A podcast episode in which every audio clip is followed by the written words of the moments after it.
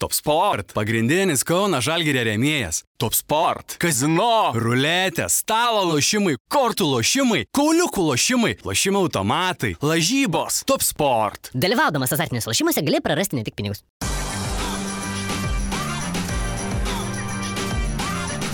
Švyturys ekstra - nealkoholinis. Gyvenimui su daugiau skonio.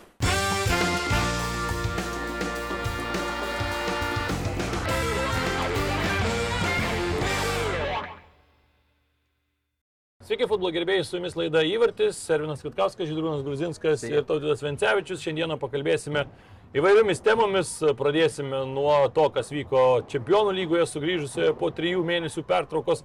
Taip pat pakalbėsim apie jaunus lietuvius, vienas iš jų debitavo serijoje A, taip pat pakalbėsim apie bendrai visą jaunimo sistemą, ko padiskutuosim, kas yra geriau, ar išvažiuoti anksčiau kažkur tai ieškoti laimės, ar kaip tik jau subręsti futbolininkui čia Lietuvoje ir tuomet ieškoti savo laimės kažkur tai užsienyje. Na, taip pat tradicinės mūsų visos kitos rubrikos e, bus šiandieną Čempionų lyga vyrai. Jau buvot pasilgę, turbūt tas himnas, kai užgrojo, tai kažkaip iš kartas jausmas vėl toks geras atėjo. ne, tikrai pripažinsiu, kad pasilgau, nes e, po pasaulio čempionato, kuris vyko na, visiškai neįprastu metu, negu tai pripratę, kad vykdavo vasarą, tai toks buvo, na, toks, na, nežinau, toks, na, šiek tiek nuosmukis susidomėjimu futbolu.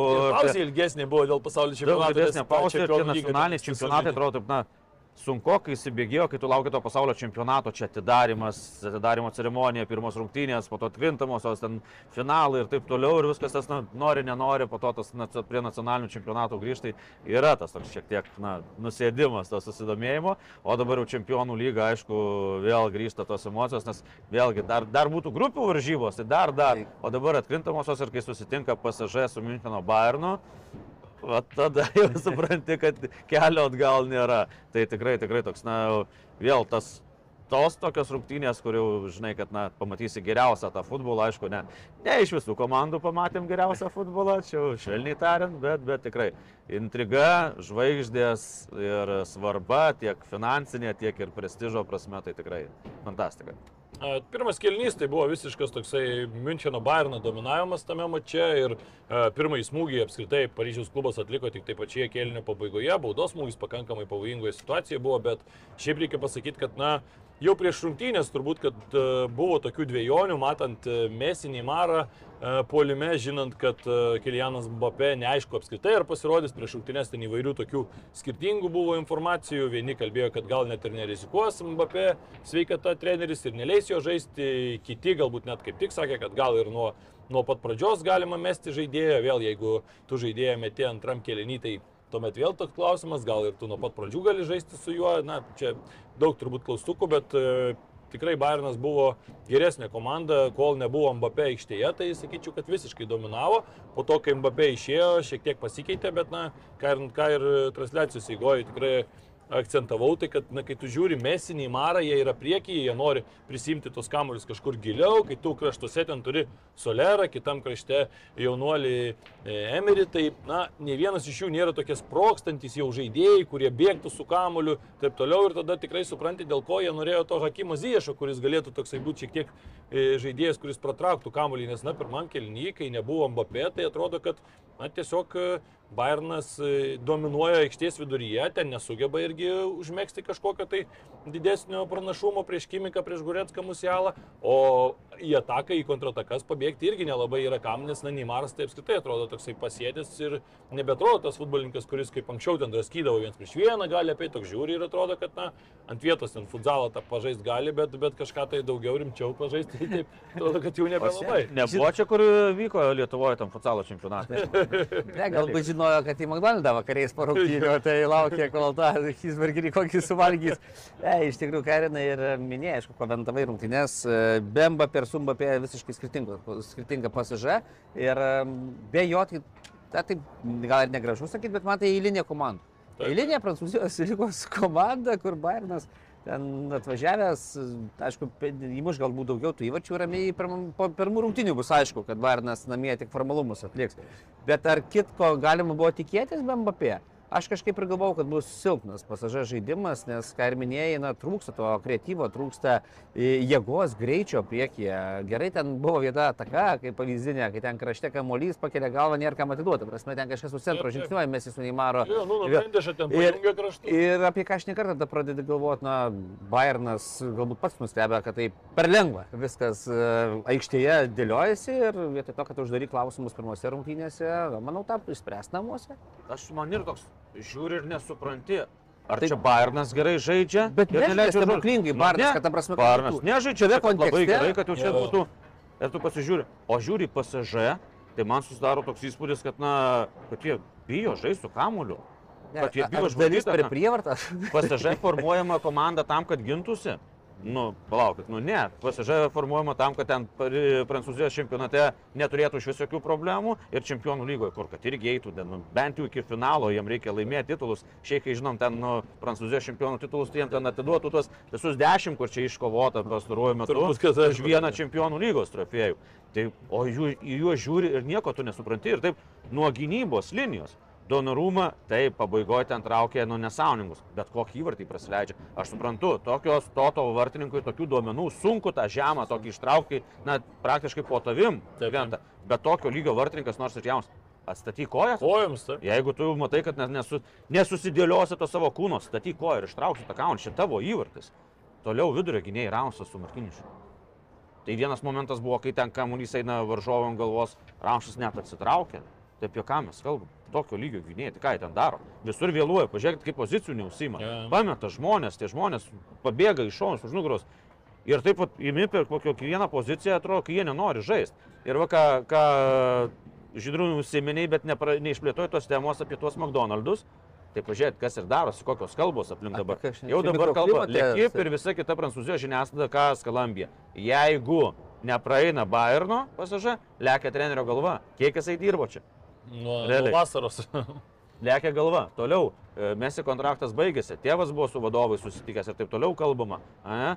Jau kalbama apie tai, kad jau netgi Mesi šeima bus patenkinta įsikraustyti Junktinės valstijas, nes ten turi namą ir ten viskas Miami. Tai bus faina. ten jau Tai- Miami tai- Interas jau beveik tai- jau parašyta, man atrodo. Tai va. Tai taip Ir ir dar- matai tada Dar buvo kalbama apie tai, kad Barcelona gali susigražinti, tėvas ten grįžtai neigia, kad jis grįš ir Barça, man atrodo, ten viskas. Nu, neturi jie tik pinigų galų tenais, taip, Kad, taip. kad, kad jau tai įsipildytų. Toliau, Neimaras vėlgi iš pačio prancūzijos žiniasklaidos išeina iš pačio klubo šaltinių, kad žudbūt nesieks išlaikyti Neimaro, kad jie ten nenori mokėti ant tų beprotiškų. Taip jau dabar jau. Čelsi ten jau nori pirkti ir taip Jau, toliau. jau kainos maždaug.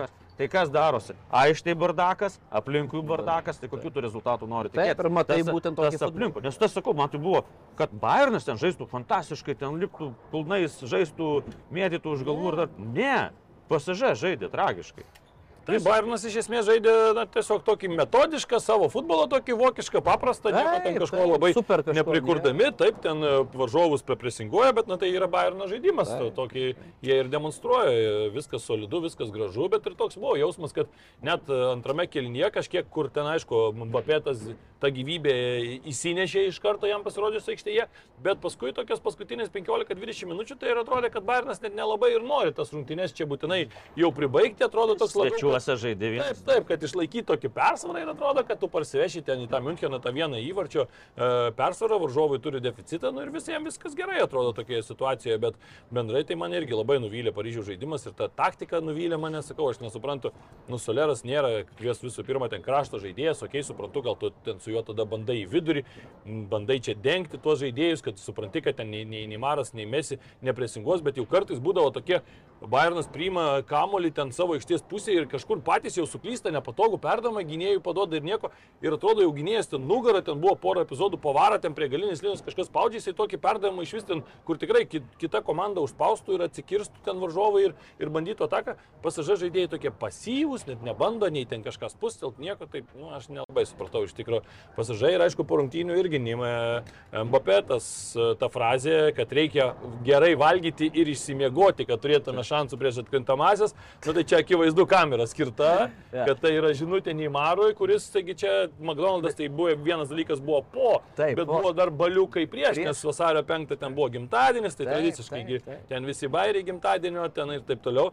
Ir matosi, Leo Messi apskritai matosi, kad toks pasyvus, sakyčiau, kokį mes matėm pasaulio čempionate ir kokį dabar matome, tai na, skirtingi žaidėjai atrodo. Dabar daug siauginis, toks net kažkoks atrodo man svorio miškelį po tubalio gal irgi primetęs, nes, nu tikrai, ne, ne, ne tas Messi, kurį matėm Katare, tai jau tikrai. Suaktyvėjo kaip ir visi kiti, kai išėjom Bapė. Tai visi aplinkui tada irgi suaktyvėjo, iki tol tai buvo tikrai, nebuvo to veiksmo. Bapė matom, na, Alkanas futbolo ar ne vėl, tai ten dabar ir kalbama, kad, na, reikia aplink Bapė statyti visą žaidimą Taip, taip. ir gal net atsikratyti, kiek tai įmanoma tų kitų žvaigždžių, nes, na, Bapė nesitenka. Ir Dar e, Lekip irgi rašė, kad, na, e, pagal jų šaltinius, tai na, labai nepatenkinti, ypač prancūzai, ten esantys e, visa komplektacija ir ten pirštais durė, kodėl tą ėmė, tas gali iš akademijos tą vietą užpildyti, kodėl tą, kodėl tą ir ten, na, išvardinta buvo ten tie perėjimai ir kas galėtų papildyti tą komandą, kuri alkani, tai matom, kad ten situacija tokia, na, labai prasta tiek psichologinė prasme, bet aišku, 1-0 yra 1-0, dabar išvyko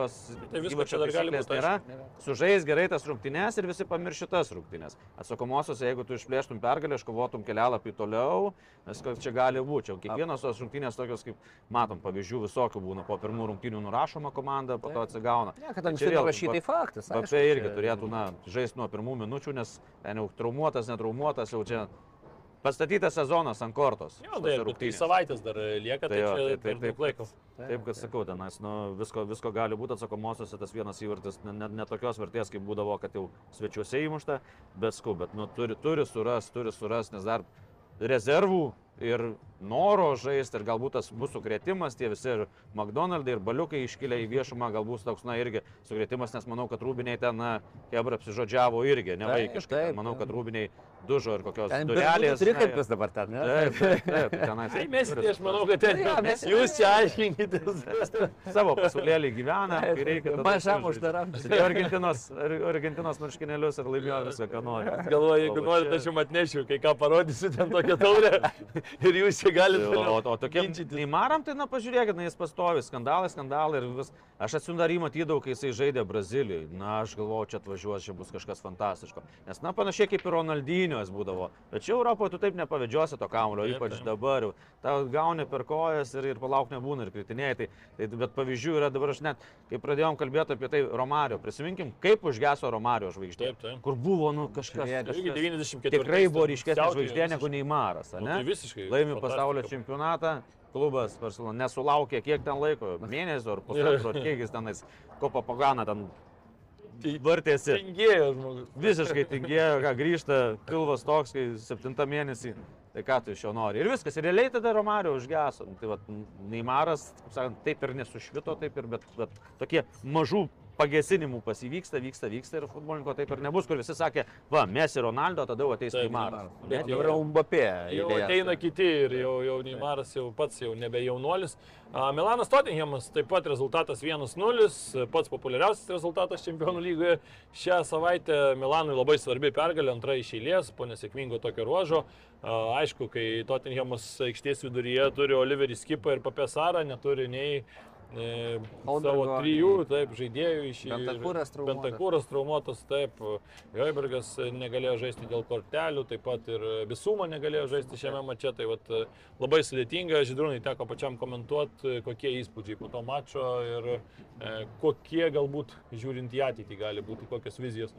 Kalbant per Milano prizmę ir prisiminus jų tikrai nesėkmingą žaidimą Italijoje, ar tuos daug praleistų įvarčių, ten per tris rungtynės buvau suskaičiavęs 12, ten Jo, jo. 4 nuo Lacijo, 5 nuo Sasulo, ten 3 nuo Intero. nuo Intero. Ir tas toks, na, futbolas tikrai labai klampus ir gaila, aišku, kad gynėjai čia komanda įvykė 1-0, nes vis tiek kas žiūrėjo. Bet, ne- bet ne, ir- irgi gerai. Taip, taip, Gynėjas taip. buvo aikštėje, reikia Taip, paminėti. taip, tai aišku, ir gavė Milanas Torino. šiais metais gali laimėti tik prieš tas komandas, kurios prasideda to.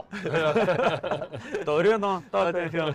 Taip, taigi per tą prizmę žiūrint atrodė, kad gali Tottenhamas ir čia pirmose rungtynėse sužaisti gerai, na bent jau nepralaimėti. Aišku, vėlgi aplošė Man City, pralaimė Lesteriui. Tokia kontė yra, kontės nėra, ten vėl gal šiek tiek toks lengvas balaganas, bet pats futbolas toks buvo atsargus ir juntama, kad buvo, kad pirmosios tai yra rungtynės. Nesidraskė iš esmės nei vieni, nei kiti, toks atsargumas juntamas, e, tarsi pabando to tinkimas, po to nereikia, praleido tą įvartį e, kaip ir 0-1 ne tragedija, taip kad manau dar įvertinus, kas daugiau šansų turi dėl patekimo. Dar aš palikčiau tą 50-50. Ta prasme, Milanas nors ir pirmavo, nu, 1-0 turi tą rezervą vieno įvarčio, bet e, neduočiau išėjimo prasme į kitą etapą jiems daugiau šansų, nes Harikeinas nežaidė savo futbolo, Sonas taip pat e, Sonas visą šį sezoną. Kai ir užsiminė dėl paties vidurio aikštės, ten yra problemų. Kaip bebūtų skipas su Saruna, Taip, taip. nepakeis tikrai žais. pilnavertį. Va, būtent. Taip. Turi, jeigu aišku, čia per tris savaitės dar daug gali jo, gali nutikti dalykų, bet e, visumą turbūt irgi bus jau pasveikęs. Taip, tai- Bent Nakuras, žinom, iškrito. Tai va, ilgam. ir sakau, tada futbolas pasikeis šiek tiek, jungs aukštesnę pavarą ir manau, kad Milanas e, negali būti, kad tai buvo šia gynybos linija blogai, o dabar pradės nuostabiai žaisti. Na taip, su Torino nepraleido, čia nepraleido, bet iš esmės ir nebuvo tiek daug darbo gynybos linijai, kad na, jinai nesubirėtų, kad atlaikytų. Na, čia, čia šios rungtynės atsilaikė. Atsakomosios labai daug kas priklausys nuo pačio Milano. ne? Nes Milanas buvo juodoji duobėje, na visiškai sausio ketvirtą, kaip iškovojo pergalę, po to buvo nelaimėtų rungtynių ilga serija ir, ir tokie rezultatai, kur ten gauna, na, jau. Tragiška. Aš sakau, ten per tris rungtynės gavo daugiau negu Maldinė ir Barezi karta per visą sezoną. tai baisu, kas buvo, bet dabar galbūt psichologiškai atsigaus laimėta serija A. Dabar pergalė. Dabar čempionų lygo ir tikrai pripažinti, Milanas žaidė geriau. Tikrai geriau už Tottenhamą ir turėjo daugiau progų. O, pavyzdžiui, Tottenhamas, tai aš sakau, man Taturašanų, tai toks vardininkas, amžinas atsarginis, ne? 37 metai ir kai tik lekia kamuolys į Milano vartus, tai taip, net užsimerkinęs, kad nežinai, kas bus. Nu, kitose vartuose irgi Forsteris irgi nėra kažkoks Bet tą super- ten, e, traukė- ten traukė traukė- viską, ką galėjo. Ten, aišku, Brahimas Dysas jau įlyso, su jėga, su kamuoliu. su mėsom. kai sa- tai, o bet tu rašavai, pažiūrėk, vis, visi kamuoliai buvo įsterblę. Aišku, jis labai gerai juda, ant- ant linijos jisai juda, tą negali. Tai būtent. Jisai geriau sujudės negu kris. Ant patirties. Jo, jo, patirties. Tai jisai, bet visi, nu, kaip tik įsterblę, sako, o taip, susigaudė visus kamuolius, tai visos pavojingiausios progos buvo. Tai va, Tottenhamas tikrai prašiau atrodė, bet taip, sakyčiau 50-50, nes kaip Milanas toliau žygiuos, tai va, nuo to ir priklauso. Jeigu jie atgaus tą psichologinį pasitikėjimą, kad gali laimėti, tai bus Tottenhamui Ta- ta- sunku. Tada jau Bet procentus jeigu vėl pradžia, per pirmo kelio 25 minutės įmuš Įmuštas Tottenhamas, paaiškės ten, man atrodo. jo, jo. tada man atrodo, kad Milanui viskas. Jo, aš irgi sutinku, kad ten pradžia bus labai svarbi, kokia nuotaika bus pasėta tose rungtynėse. A, Dortmundas Chelsea 1-0, Vokietijoje pergalę pasiekė būtent a, geltonoji. e, komanda. Pačios rungtynės tokios tikrai linksmos buvo, daug judesio, daug link, linksmiausios, Jo, sakyčiau. nu gal, gal žiūrint iš čempionų lygos, tai turbūt, kad e, ten paskui galėsim dar kalbėti apie Barsas, MU irgi buvo, buvo tikrai smagus mačas, bet sutinku visiškai, kad tokios čempionų lygoje, taip tai prie vienų vartų daug veiksmų, prie kitų smūgių daug, tas pats Chelsea, negali pasakyti, kad blogai žaidė, pralaimėjimas taip patirtas, vėl galim sakyti, kad negatyvus rezultatas, bet iš principo to pozityvo kažkokio įsipūst po šito mačo tikrai jie gali. 19 smūgių, 8 į vartų plotą, tas pats Poteris po rungtynių kalbėjo, kad tikrai yra, yra dalykų, kurie buvo labai geri, pademonstravome gerą pasirodymą, ypatingai jam patiko žaidimas antrajame kelnyje, sakė, kad sukūrėm daug progų, bet nuvylė praleistas įvartis į savos vartus ir ta- tas įvartis toksai, nors ir labai įspūdingas, ten aišku, ADMI toks praėjimas, bet iš kitos pusės, na, tu negali palikti vienas prieš vieną žaidėjo, ADMI, tokio greito žaidėjo, visa aikštė per pusę aikštės laisvo ploto ir tu palieki vienas prieš vieną. Tai čia vėl klausimas, kaip tu giniesi, dažniausiai jeigu tu giniesi standartinėse situacijose, tai tu palieki prie vieno žaidėjo du, ar ne? O čia buvo vienas prieš ne- vieną. Enzo. SPL Tas- kažkaip taip Nu. Taip, taip, taip, tai keista, keista. Parviai, tavęs klauso, o tie posnieks neklauso. Negirdi, žinai, stadione, ten apie 80 tūkstančių žiūrovų. Kai Riktelna, tai ten trys ateina, kad jie Atsarginis dar vienas. sutinkuoju su tai. Net ir teisėjas grįžta. Tai va, toks įvartis tikrai smagus, aišku, dėmi, bet e, iš esmės tai, na, antras mačas bus tikrai labai įdomus turbūt šioje poroje. Bet aš sutinku, tikrai Chelsea gerai atrodė, netgi žinant, kad, na, dabar irgi toks, na, nieko jie ten nelaimė, sunkiai kapstosi, ne, nesusiklyjuoja ta komanda, tai tikrai geras žaidimas buvo ir man patiko Žao Felixas, kuris, na, toks buvo aktyvus ir tie perdavimai, išvedantys perdavimai, tokie, kur, na, Jo, į į tarpus tarp gynėjų, tikrai, tikrai įdomiai žiūrėjosi, na, bet reikia išnaudoti progas, tas pats irgi Žao Felixas turėjo puikią progą, na, pataikė į skersinį, na, nieko nepadarysi. Tai vat laimi tas, kas įmuša daugiau įvarčių. Taip, čia puikiai tokia. Atsigina nuo tikrai pavojingos atakos e, Dortmundo Borusija. Ir prašau, Dėmimi, 21 metai, ne, mes vis kalbam, dar ir kalbėsim iš toj laidoje apie Lietuvos jaunus futbolininkus. Tai mes sakom, vai, čia, jau čia, jau čia, jau čia. Praėjusį sezoną keturi įvarčiai Čempionų lygos Salzburgio klube, dabar jau antras įvartis e, Dortmundo Borusijos gretose. Va čia, va čia talentai, va čia talentai, tokių reikia. Ir jau Vokietijos rinktinė, jei neklystu, ketverias taip, rinktinės susižaidė. taip. Tai Jau ir įvartį mušęs. Taip, ir įvartį mušęs armėnams, kai 6-0 Taip, taip. man atrodo. Tai prašau, tai va, va tokių mums talentų reikia ieškoti ir kad tiek daugiau jų būtų. Ir tikrai Dortmundas, na, aišku, gale vėlgi vartininkas traukia ten visokius, ne, ir, O, ir tai šuoliais, ir, ir šuoliais, ir, ir, ir, ir, ir pristabdė kamuolį, kai Rečianas išmušė jau nuo linijos, ten jau, jau rėdėjo į vartus, matėm, kad pagaliau pradeda komandos džiaugtis atlaikytais įvarčiais, panašiai kaip įmuštais. Jo, jo, ten visi pribėgo, Bet ir vartininkas ištraukė, pavyzdžiui, baudinį, ne? Nusi, nu, ten, nu, gerai, pribėjo. Dabar jau matom, jau kaip pribėgo, tu ten jau. Taip, taip, jau teik, krūtinėm. krūtinėm gerai, kad... Ta pusė būtų dzin, dabar kai pliofai ten kita emocija. Bet pakilnas jis būdavo, kad, na, toks, mes futbole nemokėdom džiaugtis ištrauktais įvarčiais, nes jis reiškia lygiai tą patį kaip tavo įmuštas Taip, įvartis. taip. Tik Keičia rungtynes, Lėšas marškinėlius, taip, o čia neįmuša, tai va, pagaliau toks ateina, nes aš visą laiką sakydavau, vartininkus, pažiūrėkit, prieš futbolo vartininką užėjęs, ne, tai ką, nu, tai pasižiūrės, nu, paplekšnos ir viską, ant vartininko, Ledo užėjai. Ne, aš atsimenu, Pirštinytės iš šonus Nu, yra. Tai leidžia ten mušti. Zubrus kažkada, man atrodo, su Karolina žaidė ir prispaudė vartininkas, ir jis tik pribėgęs, pačiūžą, taip čiūp, kad nusniego gautų į akis Ir vartininką. ateik čia. Kas darėsi tenais, iškart masinės. Taip, O bet ir mūsų čia- vartininko nesaugo futbolo. Taip, bet ir čia, žiūrėk, penkios geltonos kortelės. Dortmundo trys ten irgi. nu, irgi buvo.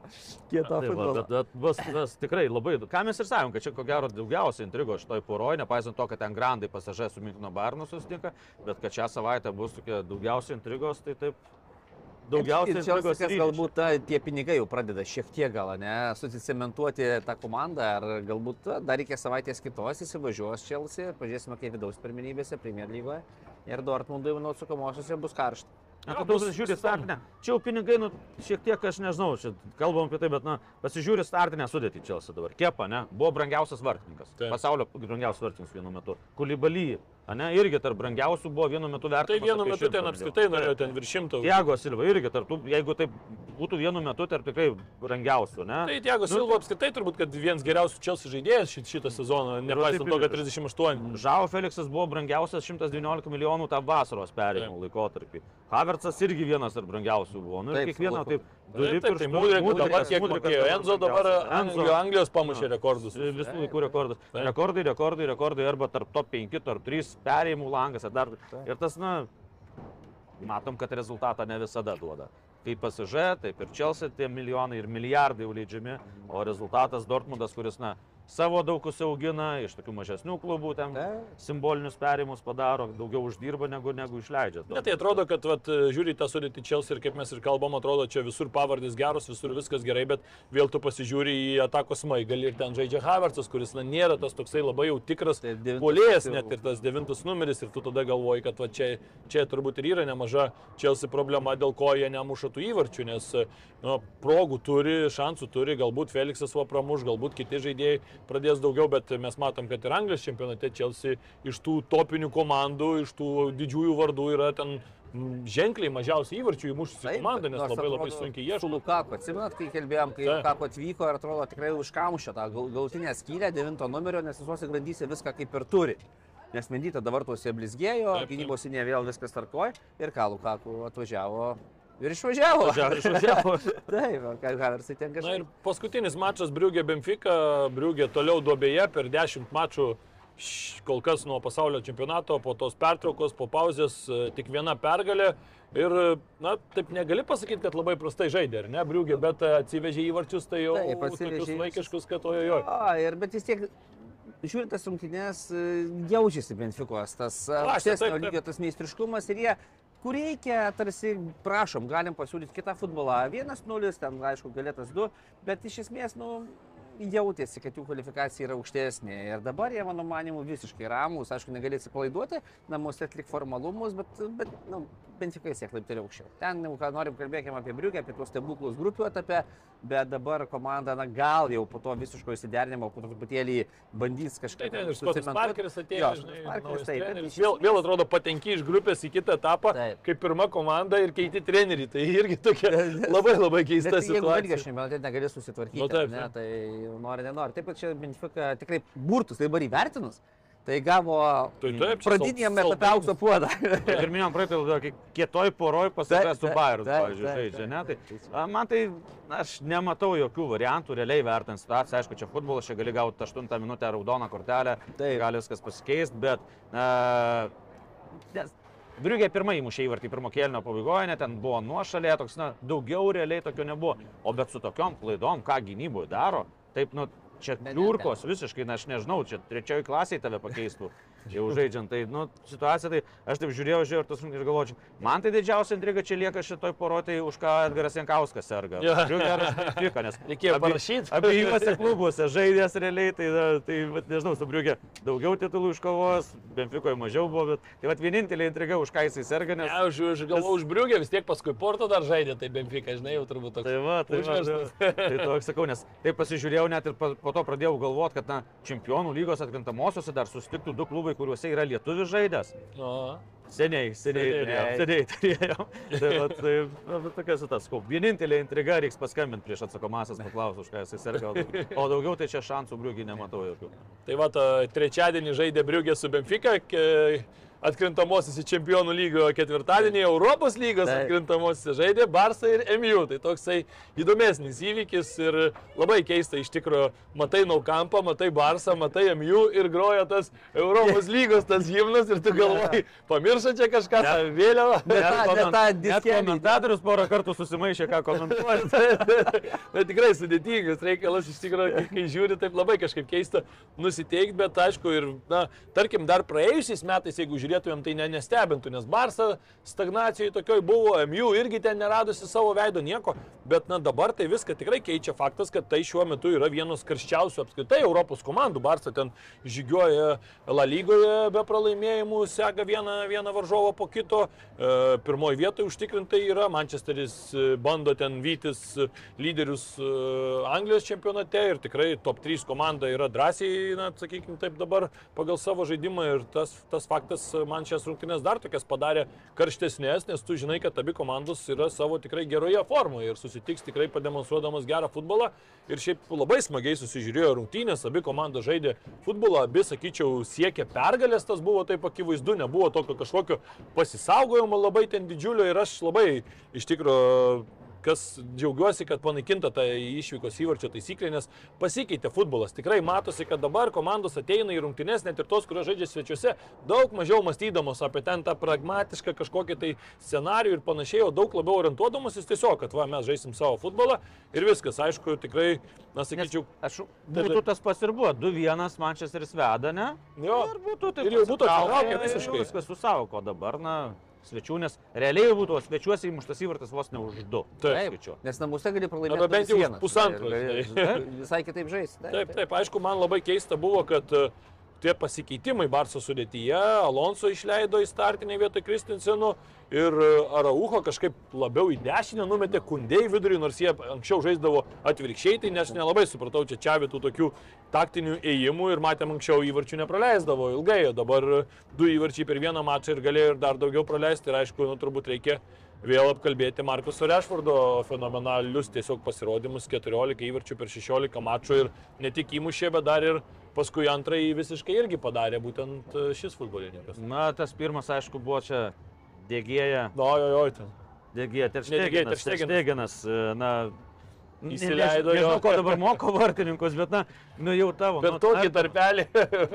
Pramušė, fantastiškai. bet, Taip, Nu, taip. nu, nu, Turėjai. tikrai, tikrai, dažnai būdavo taip, kad artimas kampas yra tavo kampas. Nu, pataikys gerą į tolimą, nu, pataikys. Taip, taip. nedarys. Nes vis dėlto pulio tai yra... tokio kampo dar daug- tolimo pataikyti, tai čia Daug vajas. paprasčiau dešinę koją mušant, tai yra pataikyti į artimą kampą. Tai tu jau turi jį uždengti. Nežinau, nu, matom, kad dabar vartininkai buvo tiek pripratę stoti prie tos pir pirmo virpsto, kad dabar galbūt, na, jau juos bando biškiai atitraukti, šiek tiek atitraukti, kad ir dengtų ir tolimą kampą, nežinau, kas yra, bet nu, turi, turi pasimtą savo, tai, bet įvartis taip. Na, čia gal ir yra tas net ir rėktumo faktorius, ne, kad gal vartininkas ir nesitikėjo, kad taip jau paliai pat, paliai pat virpsta muš, bet taip, Rešvardas, ką jis dabar išdarinėja, tai tikrai toks, na, tampa tikrų. Mančesterio lyderių, matėm, kad Bruno Fernandeso, taip, na,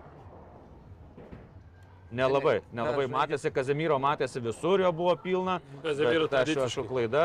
Pasilgęs futbolo, matai, porą rungtynių praleido dėl raudonos kortelės, tai čia kai Tai išėjo. Net buvo visur, bet matom, bet gali žaisti 70 minučių puikiai, padarai klaidą, rezultatas visai kitoks komandinis.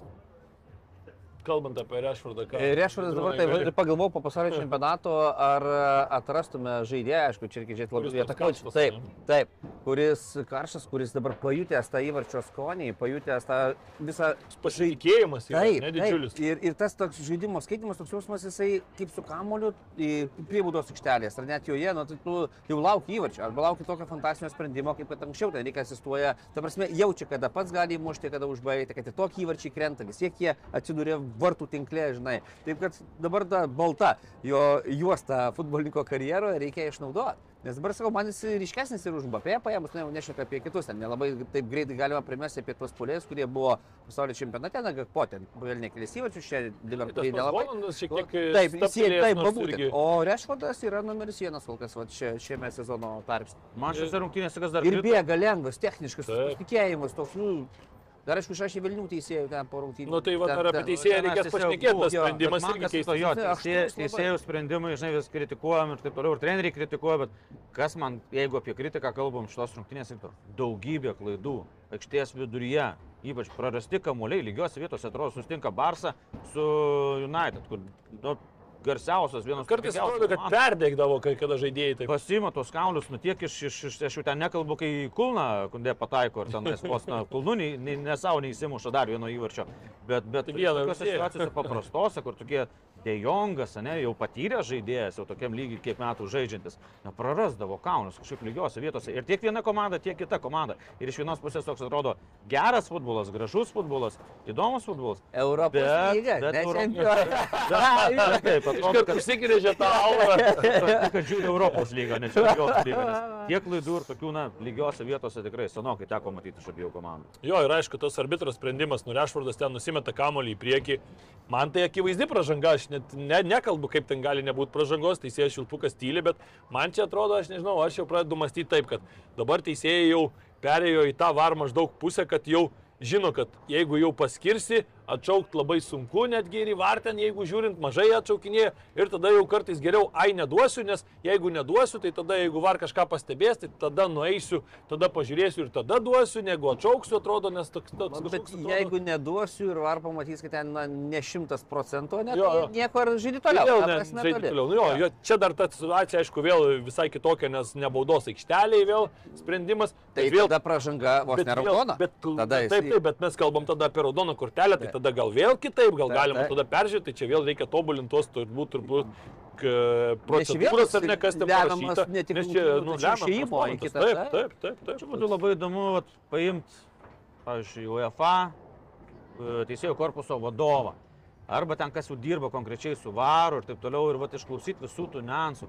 Nes, na, taip, klausimų, kuo toliau, tuo daugiau kyla būtent, kodėl sprendžia taip, kodėl ne kitaip, kodėl žiūrėjo. Nors ar atrodo, identiškos situacijos, tačiau sprendimai kardinaliai skirtingi. Taip, taip, taip. Tada žmogus klausia. Kodėl Taip, priimami taip. tokie, nes klausimų vis daugėja, nes jau pripratom prie to varo, ne, ir jeigu ten pradžioje būdavo klausimai, o kodėl šitoje situacijoje nestabdė, ta prasme, nu, net kai kurie nežinodavo, kokiose Taip, taip. situacijose tai, tai gali Taip, spręsti taip. tas situacijas, ne, ten įvartis nuošalį ir taip toliau. Dabar tų klausimų daugėja, kodėl būtent tokie sprendimai priimami, kai jau sustabdoma varui arba nestabdoma.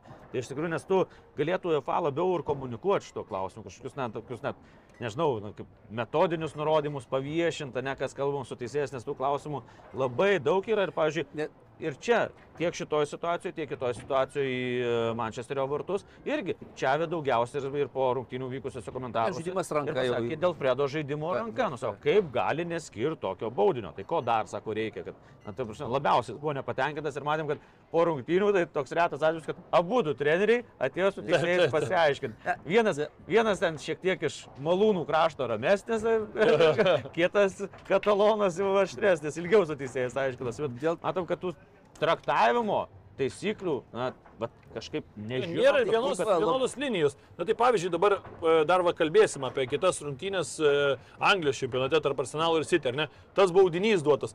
Dabar tu žiūri situaciją, Barsas žaidžia su, su MU, ten Van Bisaka dar griežčiau užeina ant Jordi Albos po smūgio ir ten viena situacija vienaip traktuojama, kita kitaip. Tai vad vėl toks, nu, Tai va dėl to kažkoks iš- turi būti, mes suprantam, kartais ten lygis ar ne kontakto kažkoks, bet nu, yra tos tokios labai panašios situacijos. Kirto, nekirto, ten tiek daug niuansų, kad vat, juos, na, iš Tai vat tikrųjų. mes vis tiek kalbame jau tokius dalykus futbolo žmonės būdami. Dabar ties ir galiai, kur na, mažiau galbūt taip lenda į tas detalės, e, žiūri pasi- pasimeti visiškai ten. pasimetė, ten tada, na, turbūt į savo nuomonę atsisako viešoje erdvėje, ten vienaip kitaip, kas ką komandą palaiko. Bet kur linkstu, kad net futbolininkai ir treneriai, kurie, na, gyvena tam futbole, ne visą savo gyvenimą, net ir tu nesupranti situacijos vienos ir kitos traktavimo. Tai ką tautidas jis sako, gal tada, aišku, ten vyksta tie, manau, ir teisėjų atvažiavimai į klubus, ten aiškinimai kažkokių naujovių, viskas tas vyksta. Bet tada, jeigu jau treneris žaidėjas, e, šiuo atveju Rešvadas, jau jaučia ir sako, kad aš gavau per kojas ir tas akivaizdu ir tada nėra pažangos, nėra nieko, hm, tada pradedi galvoti, na, Kaip, tada traktuoti štai tokius momentus? Ne, teisintys jį nuima kas nors. Ar kas, nes ten yra uždara labiau nei bažnyčia.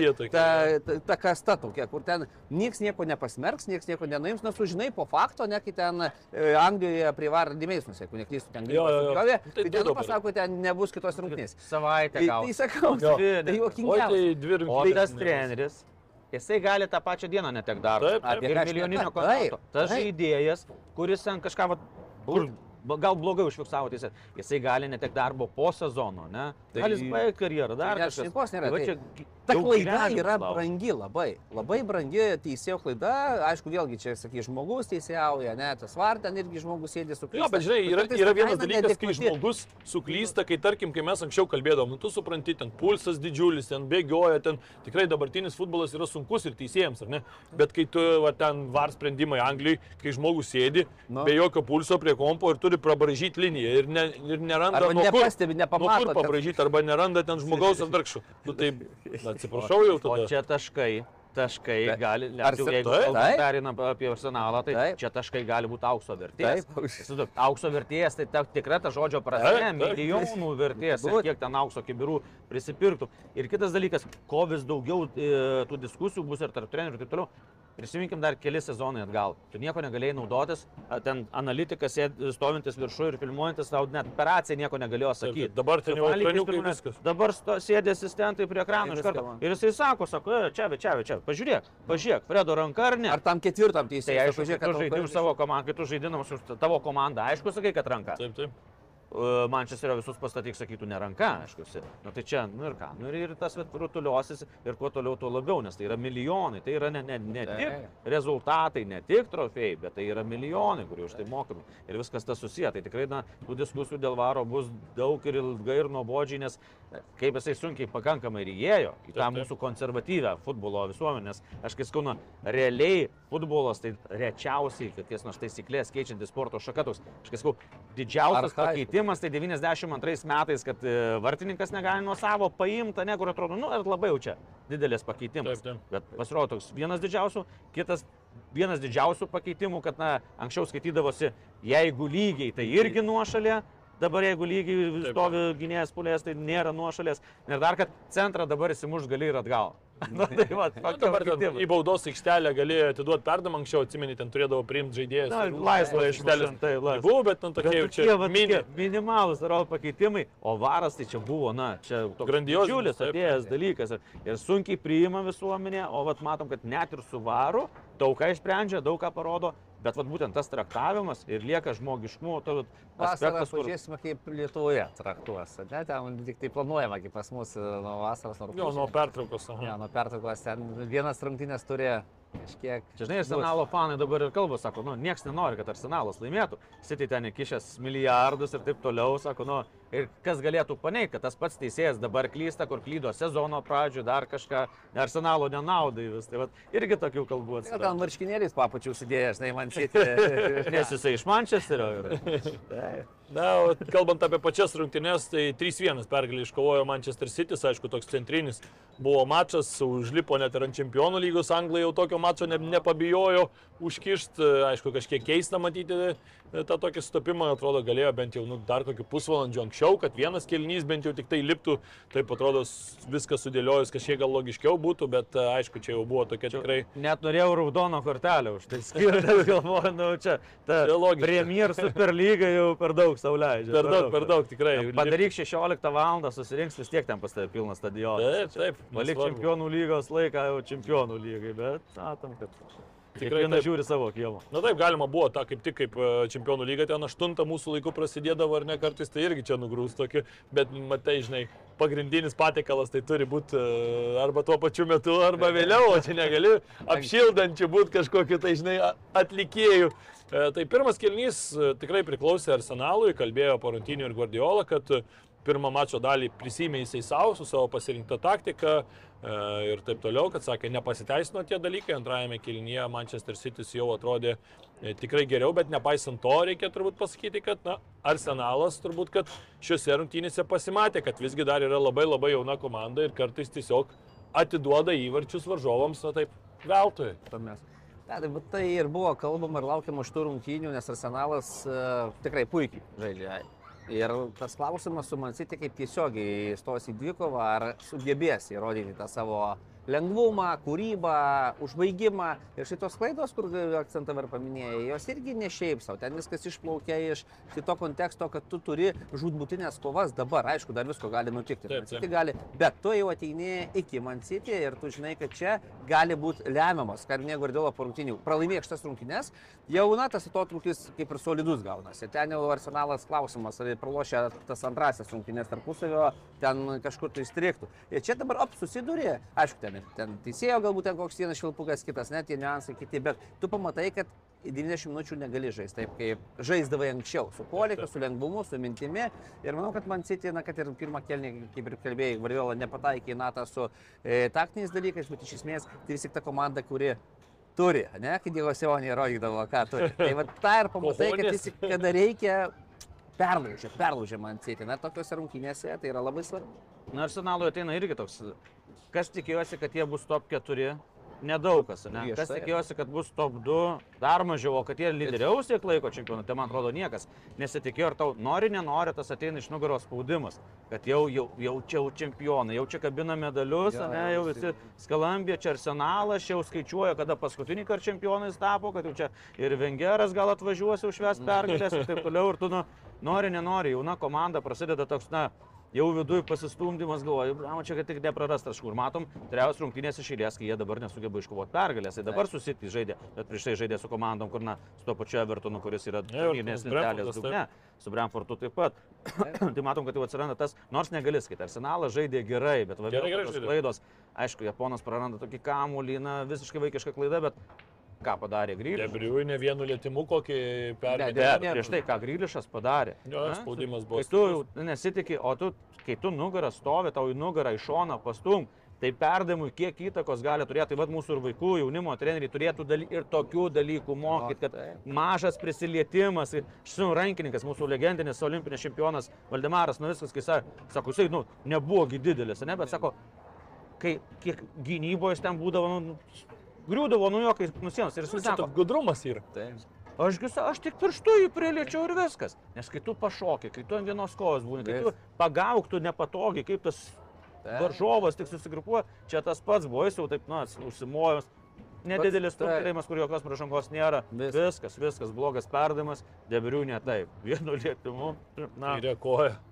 Ranka, ranka kai kas neįmestų tokio. Nu, Čia, čia gražiai buvo. Bet skuo, Arsenalas tikrai neblogai žaidė, net tas pats Grilišas pripažino, kad sako, Arsenalas žaidė geriau, bet mes nu, išnaudojom savo Taip. progas. Ko reikia tokių grandų dvikovose, kai kovoja dėl tokių taškų, dėl šešių taškų realiai. Na ir aišku, man tai labai trūko aikštės viduryje Tomo partijai, tai yra vis tiek toks vienas iš esminių žaidėjų, kaip dažnai kalbam apie e, Kazimiro ar ne Manchester United gretose, tai partija irgi toks ir ypač tokiam arsenale, na netinka man tas Džoržinio, aš nežinau, atraminėje funkcijoje, nes tokiam arsenalė yra tų futbolininkų, kurie gali ir pradėti atakas, ten Zinčenka tau ateis, Džeka ateis, tie patys gynėjai ten perdavimus atliks. Tau reikia tokio ledlaužio, griovėjo, reikia žmogaus, kuris tiesiog užkamšytų tas skylės, ten tu turėjo Edegorus priekyje, Saka, Martinėlius ir taip toliau, jie ten jau kurs, bet tau reikia tokio tvirto žmogaus. Ir kai tas Žoržinio ten irgi, dar, tas, dar tos perdavimus ten kartais buvo nemažai, kai klyzdavo, o atraminėje zonoje nu, jis netlieka to, tų funkcijų, kurias atlieka partija ir man atrodo, kad čia irgi vienas iš tokių, viena iš esminių detalių buvo, kas, kas irgi arsenalui pakenkė šiuose rungtynėse, bet uh, na, bendrai tai aš tikrai nesu nusivylęs Arsenalo pasirodymu, vis tiek taip gal tikėjausi net didesnės Manchester City domina, dominacijos, tokios dominavimo. 36 procentai tik tai kamulio kontrolė, tai mažiausiai Pepo Guardiolos per visą laikotarpį treniruojamų komandų toks statistinis rodiklis. Tai labai labai, na, sakykime, netradicinis toksai žaidimas iš City pusės, bet kaip ir sakėme, aišku, tos klaidos, galų gali ir tas pats antras įvartis, ten vėl Gabrielis kamulį praranda, pozicija tada meta, kažkur išeina, jau viskas griūna ir ten jau Grilišas tik tai pasiima, pasiima įvartį, trečias įvartis jau visiškai viskas su, sudėlioja į savas vietas. Arsenalas, aišku, dar irgi reikia pasakyti, kad, na, tų progų, pavyzdžiui, Edė Enketė, ar ne, kalbą, kalbėjom, kad žaidė neblogai, bet šiuose rungtynėse pritruko, ar ne, du tie šansai su galva, ne kartai vartų plotą nepataikė. Taip, ir aišku, tokių epizodų daug nebus prieš Mancitį. Ir kaip minėjom, tą pirmą kelnį tikrai solidžiai, solidžiai atrodė Arsenalas, tačiau visumoje štai ir trūksta. Viena pozicija griaunamoji, ką minėjo Žožinio, ten, kai žaidži prieš e, Manchester City, na, matome vidurį Debriuinė, Gündoganas, ne, ten Rodri. Rodri ten jau žaidėjai, kurie ir kūrė, ir kartu gali ir greuti, kalbu apie Rodri labiau. Taip, taip. Čia tokio bangolūžio nėra. Ir klausimas su kitom komandom, kaip ir viskas gerai, kada žaidži, ryškių pirmų numerių, ne, dominuoji, tai žodžiu, gali ten tos gal pastumdyti tai ne tiek reikia. Viskas tvarkoja. O štai čia, kai reikia atsakyti, tas, tas ta vis tiek judėjimas per minutę gal yra ir tam balansė gynybiniu, žodžinio neturi. Na neturi jis to griaunamų savybių, taip. kaip koks Holbergas, ne, būtų to tinkami. Ten išvalytų. To ir greičio, Į fiziškumo. tai neturi. nėra to kūno, nėra to, sakau, mikrodvikovas jis turėtų, na, su savo, vadinkim, faktūra rimtesnė, jis ten laužytų, na, turiu minėti takas, nes Taip, ne žmonės. Bet būtų ta figūra, apie kurią tas gynybinis futbolas libdytųsi. Dabar skistok. Tai kaip bet- galvojate, ar turi šansų dar Arsenalas kovoti dėl titulo, ar Lab- dabar jau čia Bet apsivers turi, Manau, svarstyklės? kad va, tos trys nelaimėtos rungtynės labai sumažina jų šansus ir, ir, ir, ir tikrai City, man atrodo, kad jie daugiau patirties turi, ką ir pamatėm, ir ilgesnį suolą. Ilgesnis suolas, o O abu- pažinau Martinėlį, nu jis nu, jau jį perkanto varžovą, jau jis netoks pastimis kaip Nu, buvo. šiaip gal formos kritimas gal žinai, formos kritimas, bet žinai, nu, varžovai irgi daug dėmesio skiria, tai matai, kad tu žaidži, o čia, pavyzdžiui, tas pats Holandas, ne, pasižiūrėkim, atrodo nesimatė, nesimatė jo, pirmam kelniui iš vis, statistas buvo, Taip, taip. antram kelniui, įvarčias, trečias įvartis, ne, kaip, kaip persigrupavo, tokio dydžio polės, ne, iš viena ko pastaisė, kita pumpt, nestabdydamas kalną. Na, tikrai, tikrai fantastiškas žaidimas. Ir skau, man atrodo, kad City dabar duočiau daugiau šansų, kad jie taps čempionais, bet tam pačiam arsenalui nereikia nuleisti rankų, nereikia nuleisti galvų. Ir jeigu jie bus antri, tai čia tikrai geras pasiekimas komandai, kur na, niekas nepriskyrė prie, prie tokių favoritų, ypač kad dėl čempionų jie taip kovos atkakliai su Manchester City, nes buvo kas vardinama Liverpoolis ir Manchester City, kur dabar yra Liverpoolis ir kur Arsenalas, tas pas, kuris buvo na, į top 6 ten sunkiai prognozėse patekdavo. Tai va, o dar iš šitų rungtynių, tai man vienas aspektas patiko, aš visą laiką kažką žiūrėdamas, visą laiką bandai pririšti prie Lietuvos, ne, ir kai tu matai, žaidžia Anglijos Premier lygos lyderiai ir ten ne tik žaidžia, bet taip, na, pirmais muikais griežia tokios nedidelės Norvegai. valstybės kaip Norvegija atstovai. Ne, tai penki, na, 5 milijonai 400 tūkstančių gyventojų. Na, neseniai mūsų buvo 3,5 milijono, ne, 3 milijonai buvo likę.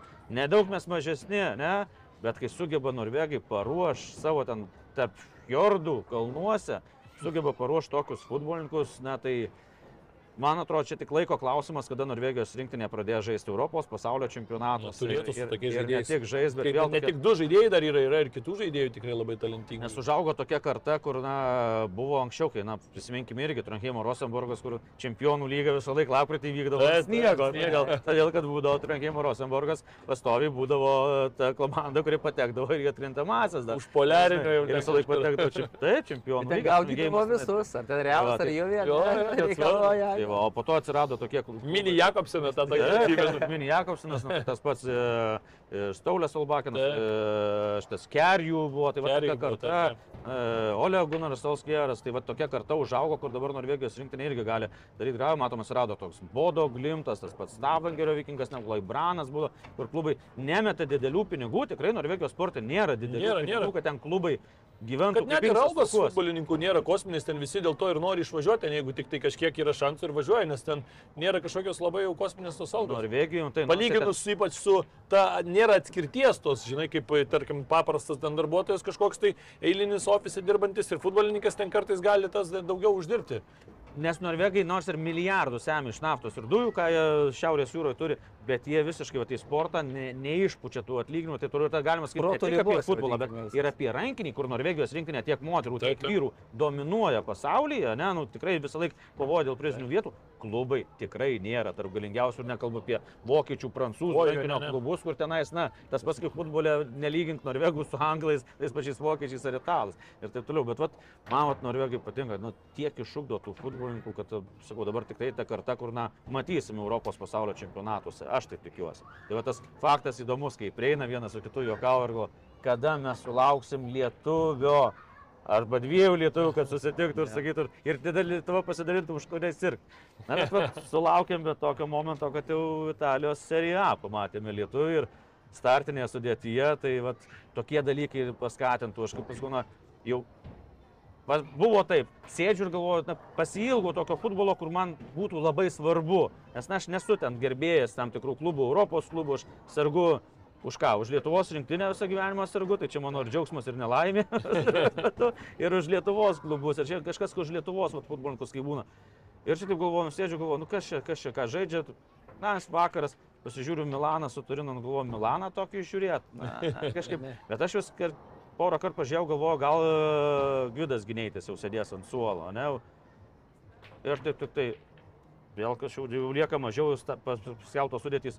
Ir taip žiūriu, žiūriu, žiūriu, net ir kaip savo Galvoju, klaida gal. galvoju pagrindė. Po, po to klaidą gal galvoji, nes tam, kai rodė grafiką, nėra nuotraukos. Tai neturėjo. Taip, taip. Apsileidė irgi iš tikrųjų. Čia visiems netikėta visiems, net jau pagalvoju, serija, tai vis tiek ir transliacijos, nu, visi transliacijos komanda ir viskas ir taip bumščių buvo viskas, na, visiškai netikėta, tau atneša protokolą. Tu susidėk, sėdi, sėdi kompiuteristas, grafikos specialistas ir net neša. Galėjo su telefonu kažkokia vis tiek Nėra, įkalt įkalt nuotrauką. Aišku, ten drasus ir ten yra sprendimas, kita vertus galbūt reiktų įvertinti ir tai, kad Torino nei krenta, nei aukščiau kažkur kovoja.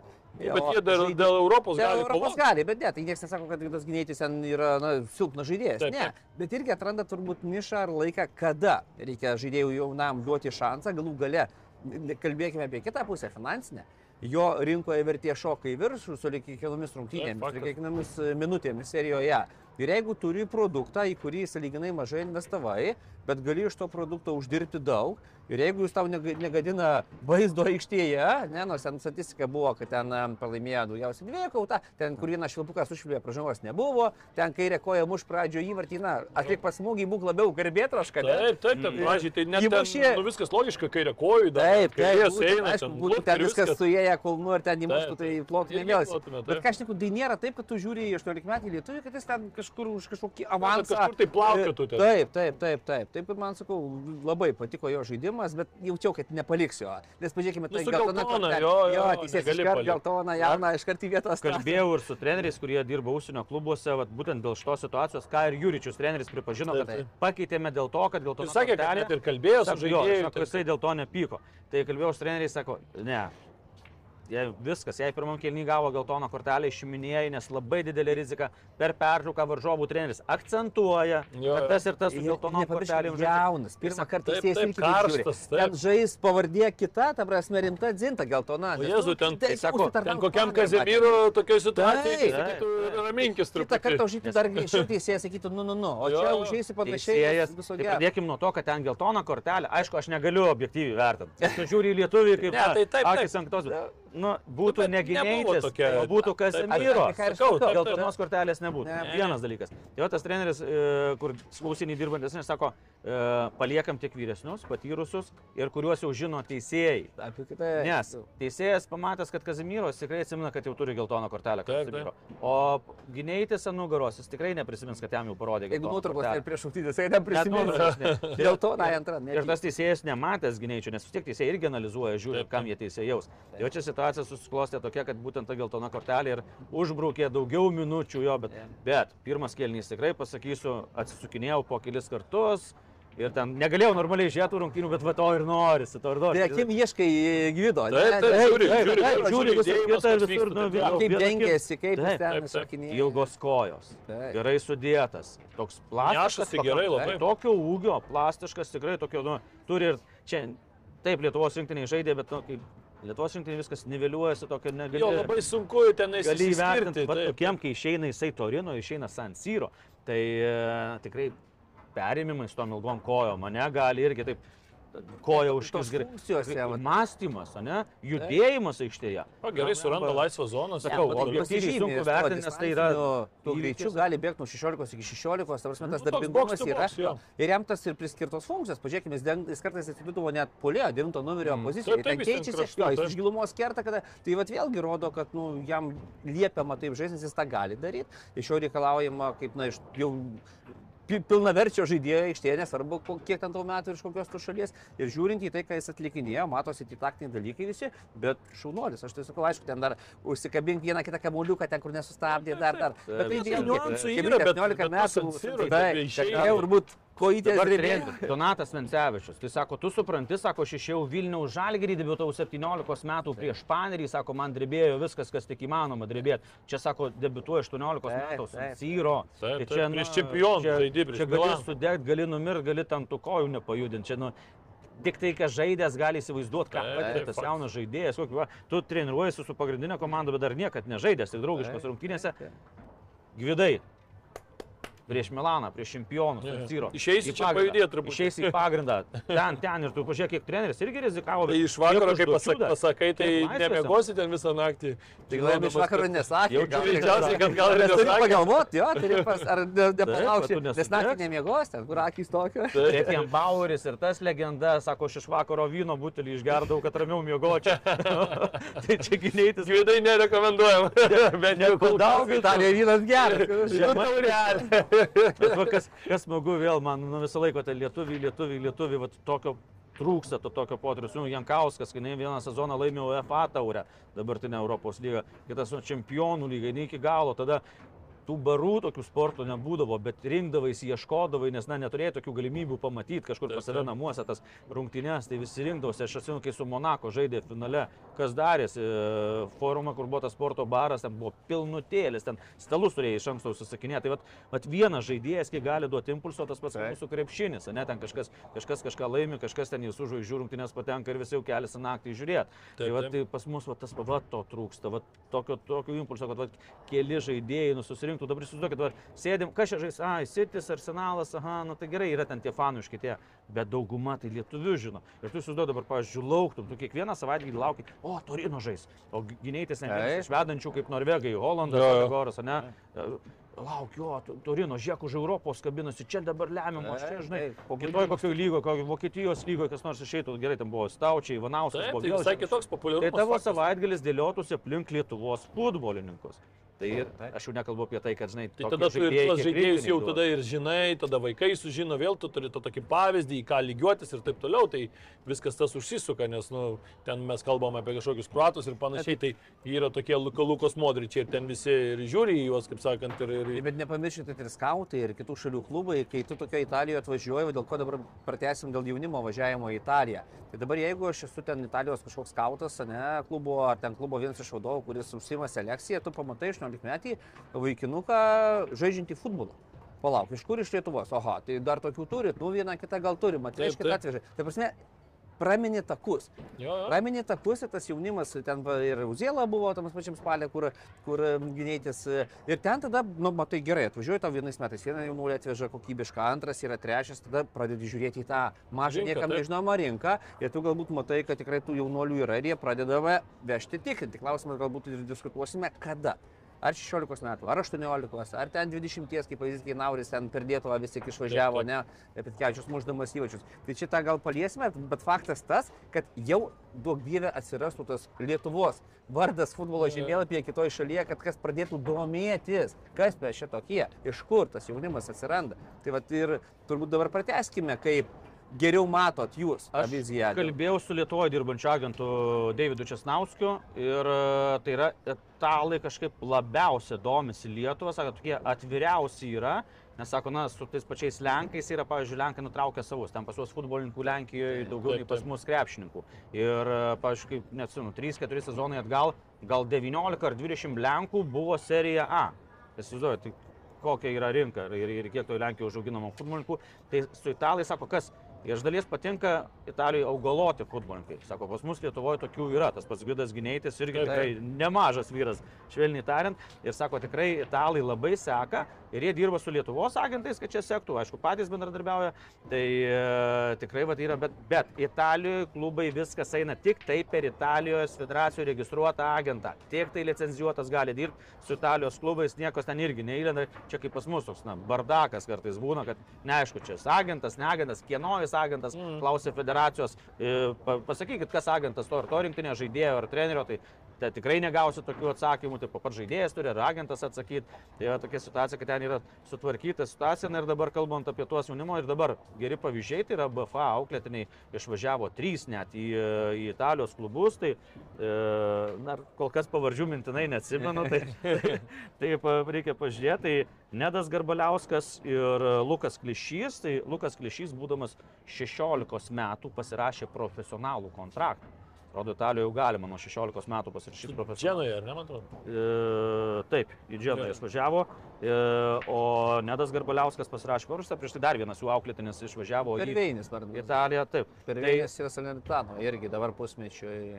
Tai va situacija tokia, BFA šiek tiek kitaip buvo, jie pasakojo treneris, kad e, penkis žaidėjus jaunus, irgi italų agentas bendradarbiavo su e, BFA ir jie penkis žaidėjus siuntė į turnyrus, turnyrėlius, ten tokius kaip peržiūros yra ir jie tada įsirinka, tai matom, net trys lietuviai pateko, kad na jau išvažiuoja toliau žiūrėt. Tai vad klišys tikrai 16 metų pasirašyti profesionalų kontraktą, tai jau, jau, jau yra, yra įvertinimas tavo, tai aš jį- tą vaiką žinau nuo mažens. tai Treneris sunus, ar ne? man- Taip, jo, jo tėvas yra ilgametis Tėvas, treneris, taip, taip. Tai e, jisai ateidavo į pamokas ir miegodavo, pirmose pamokose mokytojo klausė, sako, kodėl tu mėgi? Vakar vakarė su tėtė čempionų lygą žiūrėjau. tai mokytojai gal ir blogai atrodo, bet va tik tokie, kurie gyvena futbolu, gali kažką pasiekti. Nes kai rinktiniai žaidžia toks, kurio paklausė, kurioje vietoje dabar tavo klubas čempionate ir negali atsakyti. Atleiskit, gerbėmiai, tai po to rinktiniai ilgai ir neusibūna. Tai va tokie, kur siekia, tikrai, tikrai jie turi gyventi futbolu, tie vaikai.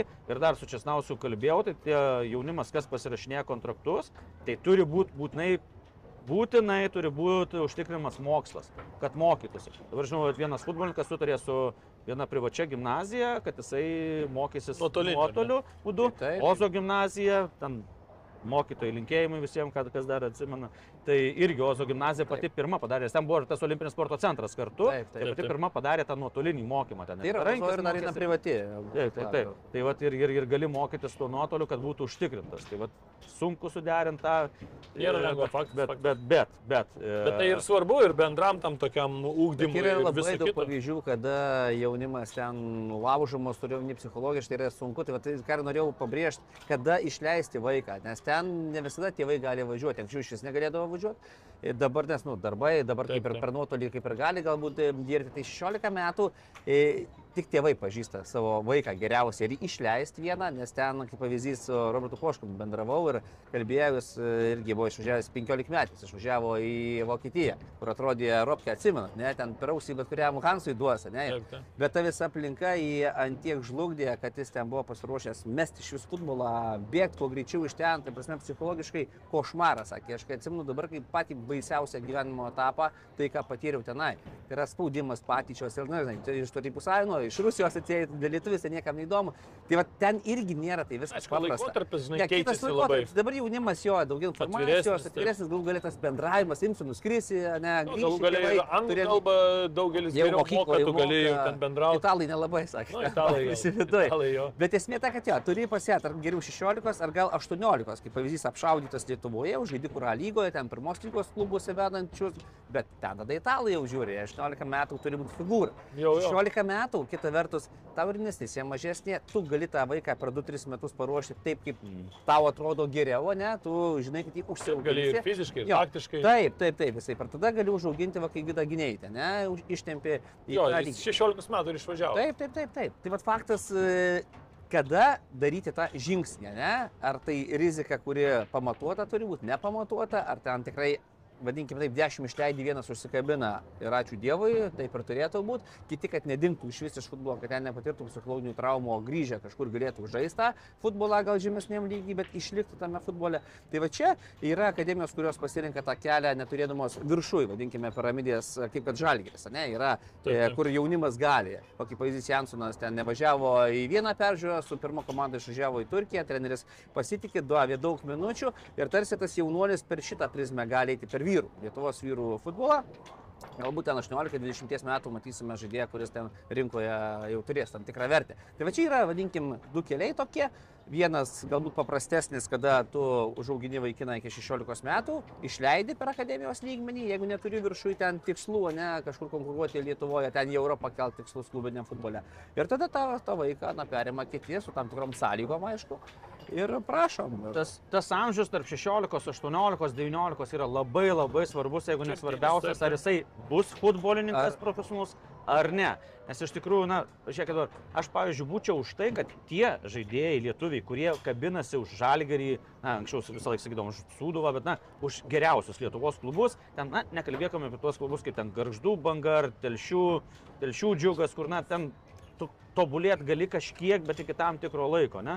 Tai e, tikrai Ten gali gal žaidimo laiko, galbūt ta vienintelis pliusas, bet tai irgi turi būti toksai... taip, turbūt prasimuštum turi būti tas vienas gal sezonas ir tada jau tu turi jau kažkur tai eiti į aukštesnio lygio klubą, tarp aukštesnių partnerių, tarp e, geresnės infrastruktūros ir taip toliau. Taip, ir, ir tas labai svarbu, tai jeigu tu kabiniesi, vat, kai Romo Jansono atveju, jeigu tu kabiniesi už Vilniaus žalgerį, tam treneris pasitikė, jisai įima draugiškom rungtynėm, tada įvartį įmušė, vežasi kartu, tada aš jau tikrai, nežinau, galim, negalim įvardinti Varšuvos legiją, įkvietėsi. Tai e, tikrai, na, atrodo, Varšuvos legiją važiuok vien pamatyti.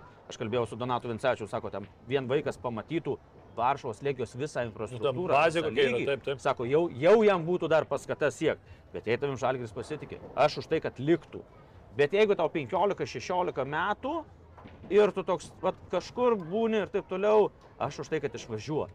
Išvažiuot, nes tas pats Simonas Tankievičius pasako, ką jis gavo Lesterio akademijai, tai ten fantastika yra. Ir Taip, po to gali nepasisekti, tai mes čia ir Lietuvoje tu lygiai taip pat Taip, niekada taip, negali žinoti, aš tai irgi Ir už tai tai. sako, kai grįžti į žalgerį, susiduri su Lietuvos futbolo realybė, sako, tau muša per smegenis, muša. Iš tikrųjų, nes ten, Tai- ten visa bazė, visa, uh, ten net va baro kameros padarytos, Tu ten kur ateini, dirbi. Jaunimas tai pamato kitą futbolo pasaulį. Aš kai sakau, tas futbolo kultūra, ne aikštėje ar netaniruotėje, o ryte atsikėlus ir einant miegoti. Ten viskas alsuoja futbolu.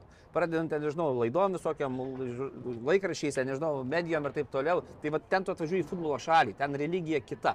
Futbolas. Gal galia nėra, tavęs nevaro iš sportimus kažkas, tai tu ten gali ir Ar tinklų neužtraukia, kad ir taip toliau, tai ir, ir Ne, tobulėti. tai apie ką ir šneka, ir tada jaunuolis, na gerai, pamatęs sąlygas, palyginęs, kas jo laukia čia, nes tu čia matai, žinai, ir gal, galų gali matai perspektyvą, kas ir tenai pabuvus, tai ir pats tada suvoki, ko tu nori. Pats iš savęs užduodi klausimą, ar aš ten kabinuosi nagais, dantim ragais ir ten treniruotė, kai sakai, dėki paniruotės, ten dar dvi valandas kokias e, drožytą kamolį, žinai, į tinklus, ar, ar paprasčiausiai grįžtu atgal, einu mokytis, baigiu ten, na, pradedu dirbti kažkur žaidžiu mėgėjiškai ir e, tai, tai vėlgi, sakau, pasirinkim. Taip, ir man, man dar kas gal krenta į akis, va, tarkim, žinai, kad jeigu mes Lietuvoje turėtumėm labai jau daug tokių pavyzdžių, kur labai jaunus ten skatina daug žaisti ir, pavyzdžiui, tos va, rimčiausios komandos, o kaip tautas sako, ar ne, jeigu tu čia už lyderių kabinės, bet mes pažiūrėkim, kiek yra pavyzdžių, kad Lietuvoje, na, mes taip dažnai renkamės tą tokį trumpalaikį tikslą, kad va paimti Europoje vietą, viskas aišku iš to bėdnumo, bet mums svarbu, kad čia Europoje vieta, čia tas jaunas dar palauks, čia dar dar kažką, ten jeigu atvažiuoja dar treneris kažkur iš užsienio, jam iš vis neįdomu, jam svarbu savo, savo vietą, o ne, ten, o ne jauno žaidėjo kažkoks tai ten tobulėjimas. Ir čia vėl mes tada žiūrim į tokius labai trumpalaikius tikslus, nežiūrim, kad gal tą žaidėją tu ten nuo 17 duosi jam žaisti, gal tu po dviejų metų jį ten už, už milijoną ar už pusę milijono parduosi ir, ir tau tau ne, ne Europos ten tie pinigai, ten Tai Latvijos kap- kapsės. pavyzdys, ten Tai Latvijos pavyzdys, taip, puikiai tas pats. Nu, tai čia daug tų tokių niuansų yra. Tu matai netgi pasižėvo dabar žiūri ir, na, ir matai ten 16 metų vaik, vaikai jau pradeda žaisti. Nu, tai jeigu jie gali duoti čempionų lygui prieš Bayerną, tu negali Žalgiris būdamas prieš Džiugą, prieš ten Garždus ar prieš dar kažką ten ir tada mes vėl galvojam apie Lasitsko, ten Romanovskio pavyzdžius, kurie negavo čia ar net, tarkim, laiko, turėjo kažkur išvažiuoti. Tai vad aš labiausiai vad galvoju, kad man dėl to labiau linkstu į tą pusę, kad geriau jau išvažiuoti ir pabandyti ir pamatyti to futbolo, nes mano nuomonė, kad Lietuvos, Lietuvos tie klubai nu, neduoda tiek šansų, net ir turėdami jauną kažkokį 17 metį, jie galvoja, ai tai dar laikas ateis. Tai ne, tai tu jam duok dabar, kam tau tas kažkoks legionierius, ten 30 metis, kuris gal šiuo metu dar truputį geresnis, bet po metų tai tas jau nebeturės jokios perspektyvos, o čia gal tu išauginsi naują na, kažkokį tai futbolininką Lietuvai. Aš tai tikrai už tą jaunų, kad išvažiuotų, pamatytų to pasaulio, aišku, labai sunku psichologiškai. Ką Židrūnas pasako, tas pats Tomas Danilevičius, kai išvažiavo į Belgiją, tai buvo kitas pasaulis, sako, Nu, ten konkurencija gaudau- didesnė, geriau. Gaudavau ten dolerių, naidau, sako, kortelę nusipirkdavau, žinodavau, kad vieną kartą per savaitę gali paskambinti tėvam, nes tai buvo brangu, tada Taip, buvo taip. ten beprotiški pinigai už tarptautinius skambučius, dabar viskas tas paprasčiau, tėvai gali žiūrėti. Simonas Tankievičius važiavo į Lesterį, prieš tai jo mama kartu nuskrido, apžiūrėjo viską, viską absoliučiai iki to, net kur mokysis ir kokioje šeimoje gyvens jisai, nes būna kai kuriuose šalyse šeimos priima, Taip, taip. kad negyventų kadenas ir taip. Taip, labai sunku, aš prisimenu save, 15 metų atvažiuoju į Olimpinį sporto centrą, visi vyresni, dvi treniruotės, pamokos, viską suderink, savaitgalį rungtynės, šildymo nėra, karšto vandens nėra, pirštinės savaitgalį liekė suviesi, kad ten tas padas bent koks būtų. kad Bet čia, tiek- jo, bet čia tokios jau... Dabar jie sąlygos turi. tai kitokios jie dabar, viską taip. turi dabar, visas sąlygas gali bendrauti su tėvais nuotoliu, kai kurie tėvai jau irgi važiuoja, kad kartu pabūt, pamatyti ir taip, kalbos barjeras irgi. Dabar, na, jeigu tu 15-16 metų išvažiuoji, kalbą išmokti yra, na, Easy tikrai taip. nesunku, tikrai nesunku visos tau sąlygos. Imlus vaikai. Imlus vaikai galų galę ten paėmė pamokas, geri klubai neduoda pamokas. Danijos taip. klubai, pavyzdžiui, atvažiavus lietuviui, iš karto sakydavo du kart per savaitę danų kalbos pamokas. Tai Ajaxas, pavyzdžiui, reikalauja, per Tai jie- metus turi išmokti kalbėti, jeigu ne, neišmoksi net ir kad ir koks talentingas būsi, tave tiesiog išmes, nes ne, tai yra sąlyga ir viskas. Tai jokių problemų. Kiek su lietuviais sportininkais kalbėjai, italų kalba lietuviams tikrai nėra sunku. Vis tiek mišės iš Vatikano, kas klausom, tai ten lotynų ar, ar italų ten panašu, tai, tai tikrai galima. Ir, ir sakau, tai va tokia yra situacija. Dabar net pažiūrėjau, aš pagalvojau, e, Nedas Garbaliauskas ir, ir Klišys yra trenerio Artūro Švaikevičiaus auklėtiniai, čia jau BFA, nes Taip. Vienas iš mažai atvažiavęs Klišys Vilnietis. Tai e, Diana Švaikevičinė buvo mokytoja ir yra dabar, man atrodo, mokytoja Ozo viduriniai, kurie viena buvo tų kuriejų nuotolinio mokymo. Tai matom, kad padarė taip, kad lengviau sūnaus auklėtiniam būtų išvažiuoti į užsienį ir nuotoliu vis tiek mokytis. Tai na, tikrai tas Kai mes vadintom internatas, tai yra gera sistema paruošta, nes tu atvažiuoji iš mažesnių miestų, atvažiuoji, kur tau viskas paduota sportui, taip, sąlygų nebuvo, bet ką turėjom, tą ir žaidėm. Dvi treniruotės per dieną, savaitgalis rungtynės. Tai tas pats pažiūrėkit iš mažiekių. Ir tas pats Garbaliauskas, kuris išvažiavo į Italiją, tas pats Gvidas Ginėtis iš mažiekių, kur iš mažų miestų Iš gardelio, kaip Kur Gardelis auga, Jūs pastebėjot, atvažiavo tas pats Ginėtis, atvažiavo į Kauno akademiją ir mama atsimdavo apdovanojimą vietoj Gvido per geriausio jauniausio Lietuvos futbolininko ir, ir pasakė ačiū ir, ir, ir, ir akademijos treneriams pastebėjo, šaukdė ir va tokie. Tie centrai, pavadinkim, kaip dabar ten, na, ne, ne akademijos, o tokie va, centrai būtų regionų, kaip mes anksčiau vadinom internatai, jie yra gerai, nes vis dėlto tavo kitos sąlygos ir jau tave surenka, surenka iš visos Lietuvos ar ten regionais, kai yra minčių, kad daryti ten Žemaityje, Dzukyje, Aukštaitije. Taip, ir tu tada vis tiek tada at, atranka, rinktinėse- atranka geriausius ir tada vėl tau konkurencija, nes kartais ten tuose mažose miesteliuose, tai mes žinom, kad ir nėra tiek daug vaikų ir tu ten, jeigu visiškai esi geriausias, tau nėra paskatos kažkokios, tai, tai tu tada, na, irgi ne, ne, netobulėsi taip Ir, greitai. ir taip nubyra daug vaikų. Taip, daug taip, vaikų taip. nubyra, nes ne kiekvienas 16 metų gali tapti žvaigždė, kitas 18. Tai prisiminkime, Faktas. Panevėžio internatas e, anksčiau, na, grįžtant prie tų, ten aišku, tarsi ir negerai, ten tie ir te- internatai, ten e, tarybiniais laikais gal net Bet aš vienu atsimenu, buvo bet- konferencija atvažiavę ten škotai ir pasakojo, kad tik tai jų futbolas prisikėlė, tik tada, kai padarė ten septynės nacionalinės tas akademijas ir tik tada vėl atsirado va, ten e, Maktominai, tai, va, Robertsonai tai ir taip toliau. būtent, kad tu nu, daugiau laiko skiria, ne, tam sportui. Ir jeigu suderinama su mokslu, su maitinimu, kas yra labai svarbu, tai vadinkime ir Vilniui šiuo metu tas Ozo projektas yra, kada yra futbolininkai nu, mokykloje, bet rytinės turi treniruotės, sportimoje, tai yra sąlygos geros. Kaip pavyzdys, e, aš su žalgių jaunimu turiu žiemą senvagėje, šalta, aikštėje, ledas, ten sniegas, ten spėjai tik valytą aikštę, ten šlapia ir taip toliau. Ten jau jaunimas turi puikias galimybės rytais. Mokslas suderintas, palikti langai, eini pavalgai, maitinimas irgi yra. Ta prasme, vat, to reikia ir mes tikrai matom tų vaikų augimą kokybės prasme, kaip jie grįžta į klubus ir ten po to jau išsiskiria, ne, jau grįždami į savo akademijas. Tai va tas ir turi būti ir tikrai čia ant pavyzdžių turbūt, kada šalys sugeba tą jaunimą ruošti būtent per tą prizmę, kad pro, per profesionalumą. Aišku, investicijos kas turi investuoti, ne, svarstai miestas, taip kažkiek futbolo federacija, taip švietimo ministerija, na, tai įmanoma, klubai patys to nepadarys pas mus. Ten gali. Bet būtent ten tas ir esminis dalykas, turbūt gal ir Česnauskas minėjo, kad e, ten akademijos yra stiprios, galbūt klubai patys, o Kedžinoje, na, nėra ten, ne, top lygis, e, taip. vadinkime taip, ar Torino, tas, kad, na, yra ten Milanai, Interai ir taip toliau. Bet ten... Bet Jie ir negali pirkti labai žaidėjų, dėl to jie bando ruošti. Ir ten tas ruošimas yra, na, didelė dalimi akcentuojamas. Jie deda labai daug pastangų į to jauno, na, būsimo, vadinkime, futbolininko karjerą ir kaip jinai lipdosi. Tai va ten yra tikrai kitoks požiūris. Pas mus, na, šiek tiek viskas Tai aišku. kaip. būtent tos sąlygos visos ir sudarytos, nes na, visas grafikas realiai ir tas mūsų internatuose, tuose vadinamuose, irgi buvo viskas padaryta, tu gyvenai kaip profesionalas. Taip, Tai taip. yra pusryčiai, Mažas pamok- profesionalas. Taip, pusryčiai, pamokos, trys pamokos, treniruotė, pietus, keturios pamokos, treniruotė, vakarienė, polisis. Ir taip kiekvieną dieną ir būdavo. Tai, o ten jau nekalbu dabar, kokias dabar jie sąlygas turi, tai tas pats Šisnauskas sakė, kad, na, jauni futbolininkai, tokie 16-18 metų, jie net ir uždirba taip kaip A lygo. Sakė, būna ir atlyginimo apie pusantro tūkstančio į rankas, jau Taip, pusantro tūkstančio taip. eurų. Tai va, tai tas yra... Dar tas- viskas tas aplinkui yra- tau sutvarkyta, nieko Tai nereikia. Viskas, gyvenimas tau nekainuoja, e, Maistas maitinimas nekainuoja. nekainuoja, viskas. Aprangos ir taip toliau niekas nekainuoja. Savo būtų nereikia. Pirkti, Ar pirštinės pirštinės, jo, su įla, kad skilės pasidarai ir tada. siuvi. Taip, taip. Tai e, 15 metų atsisėdęs internato kambarį, našlaitis.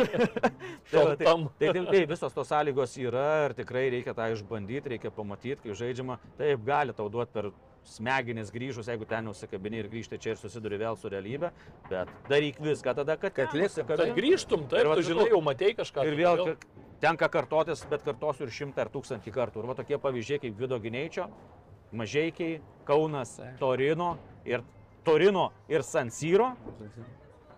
Man įleis per Sansyro tik pasižiūrėti rungtynės, jau būčiau laimingas, o ten išeini žaisti. Tai va toks pavyzdys, kad tu gali pasiekti, lietuvis gali pasiekti. Tai tikrai vat, matom, kad na, italų klubai dabar domisi mūsų vaikais, jaunimu, tų akademijų prisikūrė, kas gerai dirba, yra pastebimos. Ir duok dievę, aišku, visokių tų pavyzdžių turim, išvažiuoja, neparvažiuoja ir baigia Bet, tai jo, karjeras, bet, bet tie čia- pavyzdžiai yra ir visada, čia, tai jau čia pas tas mus. pats Lietuvoje. Taip, Lietuvoje tas pats tu irgi esi akademijoje, ten kažkada būna kažkas labai geras, paskui va, Židrūnas dirba. Taip, taip. Gali ir nepasisekti. Ar kažkada, baigi tai mokyklą, ar tada jau dilema, ką daryti toliau. Na, čia daug prarandam, tikrai va, tokių vaikų prarandam tikrai daug kiekvienais metais. Ir Mes jau, vadinkime taip, gal neišgrininam iki galo ir nesukim galimybių, ką gali suteikti tokios futbolo šalys. Nu Akademijų tai prasme. Šiaip, nu, tu pasižiūri, ten, tarkim, tas pats Ajaxas, Benfica, jie ten turi tos modelius atidirbtus jau per daugelį metų, ten mato, tas pats dabar ten buvo istorijos apie ten Žuavo Felixą rašyta, apie Bernardus, Sil, kur ten jie buvo labai labai talentingi, kol dar buvo ten 12-13 metų, paskui prasidėjo, kiti pradėjo bręsti, jiems buvo labai sunku, nes jie Vėlyvo buvo visą laiką mažiukai. vėlyvo brendimo, tada juos net perkeldavo į jaunesnių grupę, kad jie ten tiesiog galėtų žaisti, nes ten jau jiems buvo per sunku. Bet tada jie vėl dabrendo, vėl grįžo tenais, tai vėl ta metodika pas mus, tai, nu ką tu, vos. Tai kad skirsi, čia Ai, šiaip negali silpnas. normalių Jo. sąlygų, taip kaip dera. jau. Ir dar kas yra, viskas pasikeitė per tiek metų, jeigu bijodavom važiuoti, ne, kalbų nemokėjo ir taip toliau, Šiaip ten- sąlygų nebuvo. Na, tad Nuvažiuoti ten tėvam aplankyti nebūdavo įmanoma, nes Dabar ne, ne. Dabar tai tu ten kokiam Italijai, ten į Bergamą, tu gali kas antrą savaitę ten skraidyti, ten bilietai į priekį, gal 50 Pigiau negu eurų į palangą su... Nu, net taip. autobusų į palangą, netgi ir benzinas gal daugiau kainuotų iki palangos. Tikrai taip, tikrai taip. Tai vad būtent tas aplankymas viena yra visos technologijos dabar yra ir toliau. video Ne tai, kai mes ten keturiese susimetėme ant nespalvoto televizoriaus ir radžius naktį žiūrėjo, ar tas susidegė televizorius. Tai gerai, kad visi nesudegėm. Visai kitos sąlygos. Ir, ir žinai dėl ko? Žiūrėk, nes Seime iškėlė anteną ir Satains retransliuodavo. Tai, va, tai čia tokių istorijų būna. Dabar ten viskas yra padaryta, viskas gerai ir ten, aišku, ir psichologai dirba su tais vaikais, ir visos sąlygos, ir treneriai, ir taip toliau. Tai tikrai geros sąlygos. Ir nėra tokių dalykų, va, kaip tu gali pasakoti tų senų istorijų. Neminėsiu, gal net gimimo metų, ne, yra Lietuvos rinktinės ir tokie vedantys žaidėjai, ten buvo tada jaunių, jaunimo rinktinė, gal net jaunučių tada skaitėsi. Ir keturis žaidėjus, tas treneris turėjo daug ryšių užsienį, išvežė į Olandiją. Nu, va, Ajaxo akademija, tu mes tuo metu žinom, Ajaxo akademija, tai čia buvo legenda, legenda. Tai jau čia viskas, va į Olandiją, ar ten, kur važiuosi, ką tu darysi, niekas ten nieko nežino. Nes prieš tai buvo variantas, atėjo geležinio Vilko vadovas, surinko visų mūsų gimimo metus, visus duomenis, viską ir sako, važiuosim į Olandiją. Tai dar sakė ir užrašykit, e, koks batų dydis, e, nesakė, bucus duos. Akis ant kaktos visi surašo viską, kai dingo, tai ir dingo. Po to Lotožo pradeda aiškintis, kur jisai dingo. Sako, surinko duomenis, kad imtų jūs į kariuomenę ir į geležinį Vilką paimtų. Tai Latožas Tai bus čia. Vėl čia buvo. Saulais, kad ar tiltų, tai padidint dviem išmirom. Tai lato žarlakstė po internetą. Sako, aš jį pagausiu, sako, gyvą, sako, nudėsiu kailį. Nu, tai va tokia situacija. Tai va tas treneris irgi išvežė jo tą pačią Olandiją. Grįžta jaunimas po pusės metų. Jie ten daugiau daržus ravėjo laiko ir šiltnamiuose skynė negu futbolą. Jeigu futbolą. Tai va, tai ačiū Dievui, dabar jau tokių dalykų nėra, tu važiuoji ten Genują, Perudžą, Torino ir taip toliau, tai tu žinai, kas tai per klubas, ne tai, kai išveža, plus Sąjunga esame, tai kas ir Česnauskas pabrėžė, sako, italam tas, na, įdomu ir palanku, kad esame Europos Sąjungoje, nereikia visokių leidimų tvarkyti, Taip, daug taip. paprasčiau negu atsivežti iš Pietų Amerikos ar iš Afrikos. Taigi, tai viskas tas yra gerai. Tai sakau, tai čia tik pirmin ir, ir, ir, ir kad kuo daugiau pamatytų tuo, tie vaikai ir, ir, ir daug die, kad užsikabintų ir, ir tos akademijos jau žauktų iki pagrindinių komandų, kaip matom pavyzdį. Na tai ką, galim turbūt dabar jau palinkėti Gvidui sėkmės, kitame turė Turino susitinka su Kremoneze. Tai va, pažiūrėkit, nu prieš e, Gal žaisėls. kažkokius tai outsiderius galima išleisti. Irgi jaunuolį galbūt. bus Tai. įdomu, įdomu, aišku, ten linėti irgi nesnaudžia. Taip, nes, taip, na, ne, ten Lenkas. ten geros ten aplinkybės, reikia pasakyti, kad yra ir traumuotų žaidėjų ir Taip, panašiai taip, ten. Bet, nu, žiūrėsim, šansas tikrai, tikrai yra geras, o perinant turbūt į tą mūsų rubriką negalima praleisti, reikia turbūt pasakyti, kad šitas savaitgalis toks blankokas šiaip futbolo prasme. nikoks. Netgi Italija, kuris laiką sakydavom, na, kad va čia tai jau, nes ten net tiek komandų daug kovojo dėl, dėl visų įmanomų vietų, tai net ir ten, išskyrus Torino rungtynės, Taip, taip, taip. kažką išskirdavo. Na, Interas su Dinezė gal pusė velnio toksai, bet, bet tikrai nieko labai negalima išskirti. Tų klubų fanai suras, ką žiūrėjo. Tai taip, taip. O bendrai taip jau sunkiau kažką įdomesnio tokio intriguojančio surasti. Anglijoje, aišku, bus labai ta svarbi Arsenalo Aston Villa, akistata svarbi jinai bus Arsenalui, ar grįš į pergalių taką, nes sakyčiau, kad jeigu jau ir šiose rungtynėse dar kažkur ten pabarstys taškų, tai aš manau, kad jau tikrai tada tas psichologinis e, fonas dar labiau nukris ir bus labai sudėtinga. Na ir taip pat turbūt reikia išskirti Newcastle Liverpoolio akistata. Liverpoolis vis tiek po laimėto derbio, ar ne, truputį atrodo toksai pakilėtas ir jeigu čia dar geresnis rezultatas prieš Newcastle, kuris šiuo metu toksai kaip tik truputį banguojantis, tai aš galvoju, kad vat, aš, aš turiu tokį spėjimą, kad jeigu Liverpoolis laimės šitas rungtynes prieš Newcastle, tai baigs top ketvirtį. Ketvirtį. Na taip, ta, galima išės tokią teoriją ar tokią liniją. Ir manau, kad ir patys žaidėjai ir Slopas supranta, kad ši pergalė buvo labai svarbi. Derbi savo ruoštų. Taip, taip. Bet būtent tas impulsas kabintis ir kilti į viršų. Ir jeigu Newcastle dar paguldai ant menčių, na, tada tikrai manau tų šansų bent jau aplenkti Brentfordą, Fulhamą, Brightoną ar Vytis Tottenhamą tikrai galima ir reikia. Taip, ir Lesteris, aišku, su Manchester United irgi pusė velnio tokios rungtynės. Lesteriukas pastaruoju metu po keturis ten muša ir Tottenhamas Veziemas, abi komandos, kuriuom reikia taškų, kuriuom kol kas sezonas nelabai klyjuojasi, tai turbūt tą galima išskirti. Ispanijoje irgi nelabai kažkokie mačai. Atletiko, Madrido Atletiko prieš Bilbao Atletik. Čia galima tokį išskirti galbūt kaip vieną iš įdomesnių susitikimų, o daugiau tai labai kažko net irgi nėra. Nu, iš tų lygų, kurie tai apžvelgiam, tai Olandijos vis dėlto yra Fienordas Alkmaru sustinka, tai pirmaujančios komandos, lyderiai ne PSV, ne Ajaxas, bet Fienordas Alkmaru dabar yra turnyrinės vir... lentelės viršų ir tik du taškai skiria. Fienordas pirmauja su 46 taškais, Alkmaras 44. Tai vat, vėlgi tai bus kova tokia, kad, na, tau kvėpuoja nugarą. Ajaxas 43, PSV 42 taškai. Tai vat, matom, kad tikrai PSV ir Ajaxas, jeigu ne pirmam dvietukė, tai ten tikrai netenkins tokie rezultatai. Tai vat, ten gali išvelgti tokią centrinę savaitgalio dvikovą. E, Įdomybės turbūt keliaujam toliau prie šios mūsų temos. Pradėkim gal nuo vietinio fronto, nuo Vilniaus Žalgirio šiek tiek reikalų. Fabianas Orega parduotas į Kazakstaną, į Astana klubą. Retas reiškinys, kad Lietuvoje yra parduodami žaidėjai ir, ir dar rečiau turbūt, kad yra parduodami žaidėjai, kuriems jau yra 30 metų. Tai čia Žalgirio toks ėjimas, bet kiek žinau, nebuvo noro, ar ne, parduoti iš klubo, pat, nebuvo tikslo, ar ne, parduoti, kaip ir norėjo šitą žaidėją pasilikti. Tikslo tai turbūt ne, nes tikrai geras žaidėjas, kiek teko treniruotėsi būti iš vidaus ir matyti e, jo elgesį aikštėje su kamuoliu ir be. Na, tikrai reiktų pagalvoti, ar kažkas panašaus buvo atvažiavę. Į Lietuvą kalbu apie tokią amploą žaidėją, kuris, na, tokia kūno kalba atsikrato varžovų net kamulio, neturėdamas šalia. Ar ten iš trijų išsisuka tai savo plastiškais išplaukimais iš situacijų tikrai, na, ką turi, tą turi. E, o iš, dėl išvažiavimo, dėl pardavimo, tai manau vėlgi nežinome iš tikrųjų kaip kas kiek, bet kita vertus turbūt aišku pasvėrė. Žinai, kas kiek. Na tai gerai, žinai, aš ten neklausiu taip gerai, nelendau, bet esmė ta, kad tikrai turi pasverti klubas ir manau pasvėrė, ne, ar verta parduoti, ar neverta parduoti, ar gal rasiu kažką, nes tikrai dar neparduodi ir tada neieškai žaidėjo. Aš manau, jau tu tam rušiesi, galbūt randi, tada galvoji, kiek paukoti, kiek, kiek nepauna ir tai toliau. Taip kad, manau, buvo labai svarbi figūra visame žaidimo kontekste. Bet, na, kaip mėgstame sakyti, nepakeičiamų nėra. Ne? Ir jeigu ten suniveliuoti visą žaidimą, ar atitinkamai nauji žaidėjai, kurie atėję kažkiek funkcijų perims, arba ten užduotis kažkiek pasikeis, na, tikėkime, kad žalgeris ten nenukraujuos žaidimo prasme. Žalgirio atstovai patvirtino, kad tai vienas brangiausių transferų klubo istorijoje. Ir taip, ne, nei paneigė, nei patvirtino, bet buvo tokia suma 150 tūkstančių eurų už jį gauta. Tai tą patvirtino Kazakstano žurnalistai, sporto žurnalistai, kurie, na, sakė tikrai iš patikimų šaltinių. Glaudų ryšį. Kaip taip, sakot, sako, tai 150 tūkstančių plus bonusai. Tai yra, jeigu apgina čempionų, jeigu tampa čempionais, dar 50 ir iš viso, kad iki 250 tūkstančių eurų žalgeris gali gauti iš Orega. Tai tikrai, tikrai kaip, kaip Lietuvos klubui, man atrodo, neblogi pinigai. Planų parduoti, taip, patvirtino, kad jokių nebuvo planų parduoti, bet e, Kazahai išreiškė didelį norą pasiūlymas ir pats žaidėjas tada irgi labai jau norėjo važiuoti.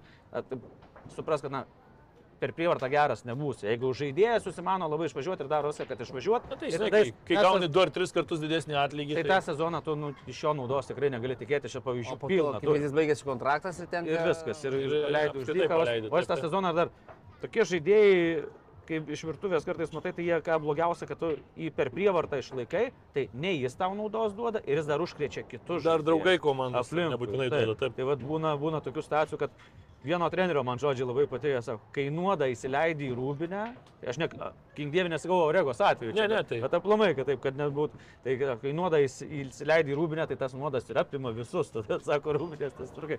Tai va čia tokia situacija. Priešinga situacija su jūs, kuriuo labai domėjosi ir buvo daug didesni pasiūlymai mano žiniomis. Tai e, tikrai, tikrai buvo ten sumos kelis kartus didesnės, bet e, kategoriškai buvo atsisakyta ir, ir vasarą visko gali būti, bet, bet dabar tai, tai, tai tikrai ne ir jisai lieka, nes jau daugumoje šalių ir užsidarė perėjimų langai, tai mes Lietuvoje, kad langus atidarom, kada norim. Tai lipti, išlipti. Dar orlaidės yra, žinai, jeigu langai uždaromi, dar orlaidės yra. Jeigu neįži pro duris, įlipi per langą, žinai. Žiūrėsim, iš tikrųjų, kažko dar vis tiek turbūt klubas bandys pildytis ir e, naujausias e, naujokas yra Leonardo Vaka. Ir tikrai įdomus žaidėjas papildė iš e, Bolivijos, pirmas futbolininkas Šalgiryje iš šios šalies ir e, 27 metų žaidėjas, kuris net 11 mačų yra sužaidęs už nacionalinę komandą, yra ir įvartį įmušęs visą savo karjerą. nuotraukų su kautinio. Tai. Taip, taip.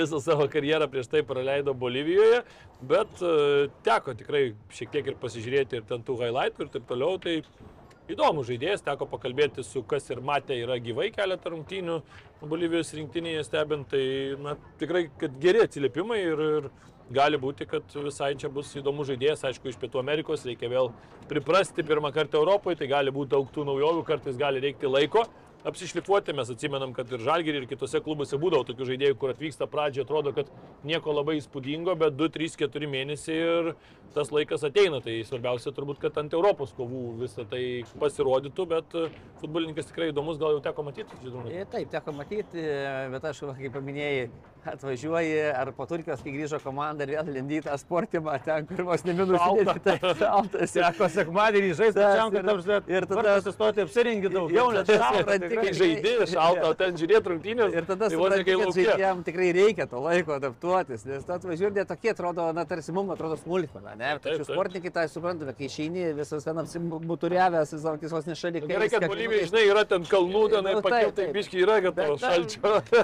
Atsakau, tokie dalykai, ir, aišku, reikia laiko ten, iš karto gal nesublizgės, nesiskleisi, bet uh, žaidėjas tikrai turintis potencialą didelį ir matysime. Taip, ir žaidėjas nu, į tą vietą, kur ir reikia, ten ir Taip, krašte taip. gali žaisti ir centro polėjų, tai, tai bus, bus įdomu, bet aišku, žalgiriui dar turbūt, kad reikės kažką. Dar ataką šią žiūrint. savaitę gali būti, jau šią savaitę, du papildymai. e, Vienas, kiek atskleidė, tai yra iš Afrikos žaidėjas, iš Afrikos šalių, kuris jau Europoje buvęs, sako, labai perspektyvus, labai įdomus. Tai gali būti susitarimas pasiektas artimiausiam dienom. E, toks atakuojantis saugas, polime gali žaisti. Ir dar vienas futbolininkas, su kuriuo dar darybos, na, kaip suprantu, irgi jau pažengusios, bet, bet dar arčiau tai nepavyko sužinoti nei pozicijos, nei, nei iš, kokios, iš kokio maždaug regiono. Tai va dar, dar, dar du papildymai žalgerį turi pasiekti artimiausiu metu. Tai ar turi dar vyrai kažką įdomaus papasakoti, įdomybių rubriką? Aš jau pasižymėjau, kad jau paskelbė UEFA, kad vienintelis pretendentas į prezidentus jau oficialiai lieka. Tai Vladimiras, turėjau Čiabūrinas, Aleksandras Šefirinas, slaviškos pavardės painiojasi. Tai. Ir vykdomojo komiteto kandidatai vykdomojo komitetą, tai kas šiek tiek ir nustebino, kad ir e, Sakartvelo atstovas yra, tai va, toks, matom ir tos mažos šalys, nedaug pasiekusios futbolio šalys gali pretenduoti tuos postus. Lietuvio nemačiau tenais, nes Tai liet, lietuviai į kitus postus dabar pretenduoja, ne? Postai dabar vietiniai postai svarbiau, nes na, Įsidalint. yra tam tikrų niuansų, matom, Danilevičius kiek jisai penkerius metus buvo Lietuvos futbolo federacijos prezidentu ir atstovaudavo UEFA, FIFA, bet penkeri metai UEFA koridoriuose, tai nebent tu gali kažką pasiekti, jeigu už tavęs Gazpromas stovi, kai Djukovas tapo ten e, labai greit ten Zenito vienu vadovu, tada UEFA įvykdoma iš kurias atsiveda milijonus, tai gali iš Lietuvos, nežinau, kaip čia gali iš kieno milijonus atsivest, tai arba tu turi trinti tuos slengščius pastovi, ir nes pas mus dabar sporto įstatymas toks yra net pakeistas, kad turi būti ribojamos kadencijos, arba, bijau sumiluoti, bet maždaug taip, kad keturios kadencijos po dviejus metus, arba dvi kadencijos po ketverius metus.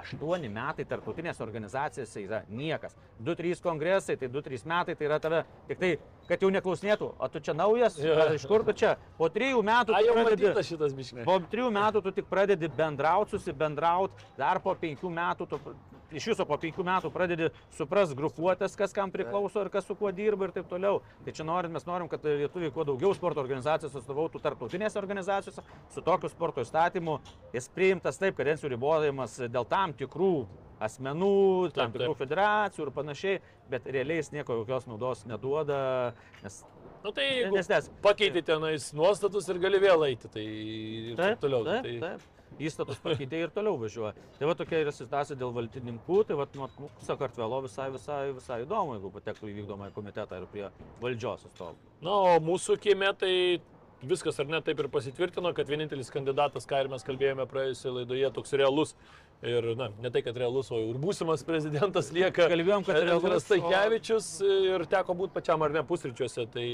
kažką įdomaus dar išgirdai tą temą.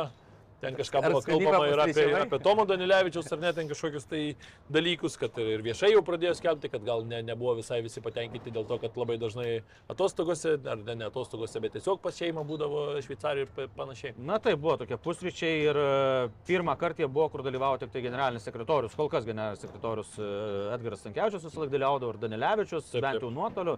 Tai buvo tokia kalba, taip, e, ką tu mini, buvo pasakyta, kad na, nebuvo visiškai patenkinti tuo, nes kad Danilevičios šeima vis dėlto gyvena Šveicarijoje ir jisai dažniausiai migruodavo tarp Lietuvos ir Šveicarijos, tai paklaustas, kiek maždaug laiko jisai būdavo čia e, Lietuvoje ir kiek Šveicarijoje, tai maždaug sakė taip 50 prie 50 ir taip davė nedviprasmiškai suprast e, Stankievičius, kad e, taip, kad buvo nepatenkinti, kad Danilevičius na, nebūdavo pastoviai Lietuvoje ir nedirbdavo ir taip toliau. Ir dar vienas Stankievičius toks, na, paklausęs jisai, kodėl, kodėl jisai vat, nusprendė kandidatuoti į prezidentus, tai kad atseit, jisai nori perimti tą į savo rankas, kad atstovavimą ir bendravimą su, tiek su Seimu, tiek su savivaldybėm ir taip toliau. Kad, na, sako, aš ir iki šiol tą darydavau, tai dabar, kad jau viskas jo rankose būtų, tai kad jis būtų tas pirmas asmo, kuris bendrauja, nežinau, kad, na, vis dėlto generalinis sekretorius sporto organizacijose yra toks samdomas darbuotojas, kuris tų svertų daug ir turi, ir to svorio ne visada turi. Vis tiek prezidentas yra prezidentas, tai yra... Ant pečiai kitokie jau. Taip, taip, tikrai kitokie, tai va jisai nori, kad būtų tame asmenyje ir, ir sulaukė didelio palaikymo, jis patvirtino, kad iš 32 narių e, 28 net kaip rekomendavo jį, ten reikia pasirašyti rekomendaciją, kaip ten Taip, nežinau, taip. formaliai. Ir tai viena iš tų nepasirašusių yra Vilniaus, e, Vilniaus. Kaip manęs maišas tos Vilnius buvo vienokie, dabar kitokie. Vilniaus regionų futbolo sąjunga, Taip, taip. RFS, nu, žodžiu. Taip. Taip, tai jie nepasirašė, nes jie tą oficialiai paskelbė, o kas tos trys kitos, tai jis neatskleidė. Ir aišku, bus intriga dėl to, dėl e, vykdomo komiteto narių, nes anksčiau, žinom, buvo kvotos, tampi Taip, taip. apskrities ar ten e, kokio nors masinio futbolo prezidentu ir tu iš karto automatiškai patekį į vykdomą, dabar irgi turėjo siūlyti. Tai kilo toks klausimas, ar nebus taip, kad bus Vilnius, nors didžiausia, daugiausia klubų ir daugiausia futbolo klubų bus. Op, tai sakė, na, Stankiaučias sakė, kad aš neturiu atlikti e, agitacinio darbo Nu, už. Šemberą, bet, na, iš tris kart paklausiau, tai atsakė, kad tris, tuos, tris rekomendacijas surinko Vilnius. Tai, na, bus tai, va. na ir bus, bus įdomu pasižiūrėti, nes jau aišku, kad vykdomajam komitete nebus e, Arūno Pukelio, Žydrūno Buzo ir e, Kauno apskrities Šumausko. Šumausko. Tai taip. Nesangiaučius kelis kartus pabrėžė, kad bus daug permainų. Tai jau čia trys permainos. Kiek žinau, vienas labai labai ilgametis vykdomojo komiteto narys tikrai neina į vykdomąjį komitetą, nebent čia per tuos laikus gali kas pasikeisti. E, vasario 23 dieną turi paskelbti visus kandidatus, nes jau dabar kandidatūros priduotos, rekomendacijos priduotos, dabar yra ta rinkimų komisija, kuri patikrins ten teistas, neteistas, Taip, taip. baustas, nebaustas, muštas, nemuštas, patinki, netinki ir taip toliau. Tai va, tai 23 dieną norėjau paskelbti, bet paklausiau, kodėl 23 vasario pasirinkta, nes tai tarybinės armijos diena, gal čia kai armijos išrikiuos, tai pajokau, aišku, tai dabar sakė 22 vasario turi paskelbti, važinosim visus kandidatus į visas pozicijas, kas kandidatuoja taip, bet ar nuo to kas pasikeis? Nu jo, bet, bet kiek teko girdėti, kad irgi kas e, kalbėta buvo ten tuose pusryčiuose, kad e, aš pats nebuvau tą dieną, turėjau biškai kitų reikalų, tai bet e, irgi akcentavo, kad, kad vis tiek jisai nori išlaikyti ir tam tikrus to e, funkcijas, tas pačias, kurios buvo labiau priskirtos generaliniam sekretoriui, ar ne? Tai čia taip labai jau tampa akivaizdu, kad vos ne į vienas rankas viskas eina, o tas generalinis sekretorius bus toks savotiškas pavaduotojas, galbūt tai pavadinkim, ar asistentas Taip. Stakevičius to neslėpė ir sakė, kad e, nors įstatai ką tik pakeisti, kad vėl bus siekiama keisti įstatus, tam yra tam tų rinkiminių tam tikrų niuansų, atstovavimo niuansų yra, bet ir būtent, kad išplečiant ir prezidento, Prezidento galę. Nes jisai pabrėžė tai, kad jisai sutvarkė biudžetą federacijos kaip generalinis sekretorius būdamas, kad jis išmano finansuose ir kad jisai norėtų toliau formuoti tą biudžetą ir prižiūrėti tuos finansus. Tai jis tą tikrai pabrėžė ne vieną kartą, tai anksčiau Danilevičius net nesikišo į tuos finansus Taip, taip. ir, ir nebuvo jo įgaliojimas. Dabar jis nori tą praplėsti, kad ir finansus prižiūrėtų. E, Dėl generalinio sekretoriaus, na jau praeitoje laidoje įvardinam, kad na, realiausia pretendentė yra Rita Bagdonienė, jinai beje, ten sakėm, pa, pareigas varno varno, jinai futbolo vystymosi, man atrodo, kažkaip Okay. vadovė. Tai e, kad jinai tai patvirtino Stankiausias, kad jinai tarp pretendentų, bet atsit gali atsirasti ir kitų kandidatų, kitų pasiūlymų ir taip toliau, gali būti net iš išorės kažkas ateiti ir panašiai. Tai vat, Galite siūsti CV, jeigu kažkas turit. taip, Oro. siūskit. E, Info eta lff.lt. Arba nesiųskit, nes šansų nedaug. Nevarkit, Vėl daugiau negadinkit popierius. kalbėta, kalbėta. Beje, kai UEFA buvau, tai parodė tokius originaliausius CV atsiųstus, tai vienas ant kamulio CV surašęs, tokio mažesnio kamulio kamulio surašęs, kitas marškinėlius padaręs kaip klubo marškinėlį ir čia visas Nu. CV surašytas. Tai tokie įdomus, tai galite pasinaudoti tais pasiūlymais. Tai kalbėti apie stadioną, kas bus, jeigu bus, na ten kol kas visiškai nieko neaišku dėl to stadiono, visi laukia dabar rinkimų, aišku, savivaldos, kaip čia pasibaigs ir kas taps Vilniaus meru, ten apie naujosios Vilniaus tą projektą kalbėta, kur aš nežinau, pirmą kartą apie tą naujosios Vilniaus projektą spaudos konferencija buvo kokiais gudžiais 2007-2008 kažkas. metai, čia jau po Kristaus. Taip, taip. Čia- čia- po, ne prieš, nes kartais apie Lietuvos futbolą, kai kalbė, tai ypač apie infrastruktūrą, tai kartais dar pagalvoji, kada tai įvyko. Laikotarpis. Tai tik atsimenu tada, kad pirminis buvo, kad neleido, nes ten būtent per tą žemę eina Ežiukų migracijos vieta, tai negalima daryti. Dabar ten 17 hektarų yra, tai na, Stankievičius taip savo, kad yra kieno rankytės, taip, į tą 17, nes ten yra BŠI ir ten sėdi visokių ten veikėjų tam BŠI, nes ten Kiek aš atsimenu, tai buvo savivaldybės įpareigojo 7-8 milijonus litų investuoti į infrastruktūrą, kad atvestų visas, na, visą komunikaciją ir taip toliau. Ir, bet tai čia buvo 7-8 milijonai, nežinau, prieš kiek, prieš kiek metų. Tai va, tai kol kas tas naujosios Vilnius projektas, supratau, kad irgi iš mirties taško pajudėjęs lygiai nulį, e, kad kada persikraustys į Kauną ir taip toliau. Klausimų, na, viskas aišku, kad niekas neaišku, nes kas laimės konkursą, kaip sudarės dėl sąlygų, net yra tokia situacija, kad gali įsikelti į akademiją ir ten tvarkytis patalpas, bet aš pasakysiu, ko pasigėdau tuose pusryčiuose, tai futbolo. Mes kalbam apie pastatus, apie rinkimus, apie dar kažką, o kur futbolas, kur tas trenerių rengimas, kur tas akademijų stiprinimas. Akademijos vienintelis žodis nuskambėjo, kad jeigu ten išgautų iš krepšelių pinigus, ką Majauskas žadėjo, kai nuiminėjo čia vienus veikėjus ir taip toliau, tai e, kad skirs tada, tai ten iš to tą, tai ten, ten papilstys, papilstys, bet kad akademijų turėtų daugiau nueiti, kas dabar nueina klubam. Tai tik tiek, o daugiau, daugiau, futbolo, futbolo aš tam dėja pasigėdau. Na tai dabar svarbu postus įsidalinti dar kol kas, o paskui jau O po to žiūrėsim. finansus dar. Paskui jau O po to futbolą ir finansus, o po to jau pasižiūrėsim. Tai keliaukim jau į paskutinę rubriką, nes jau užsikalbėjom, kaip visą laiką sakėm, šiandien šiek tiek trumpiau, bet ne, nepavyksta. Balta kortelė. Manau, kad raudona. susirinka visi nekalbėjom.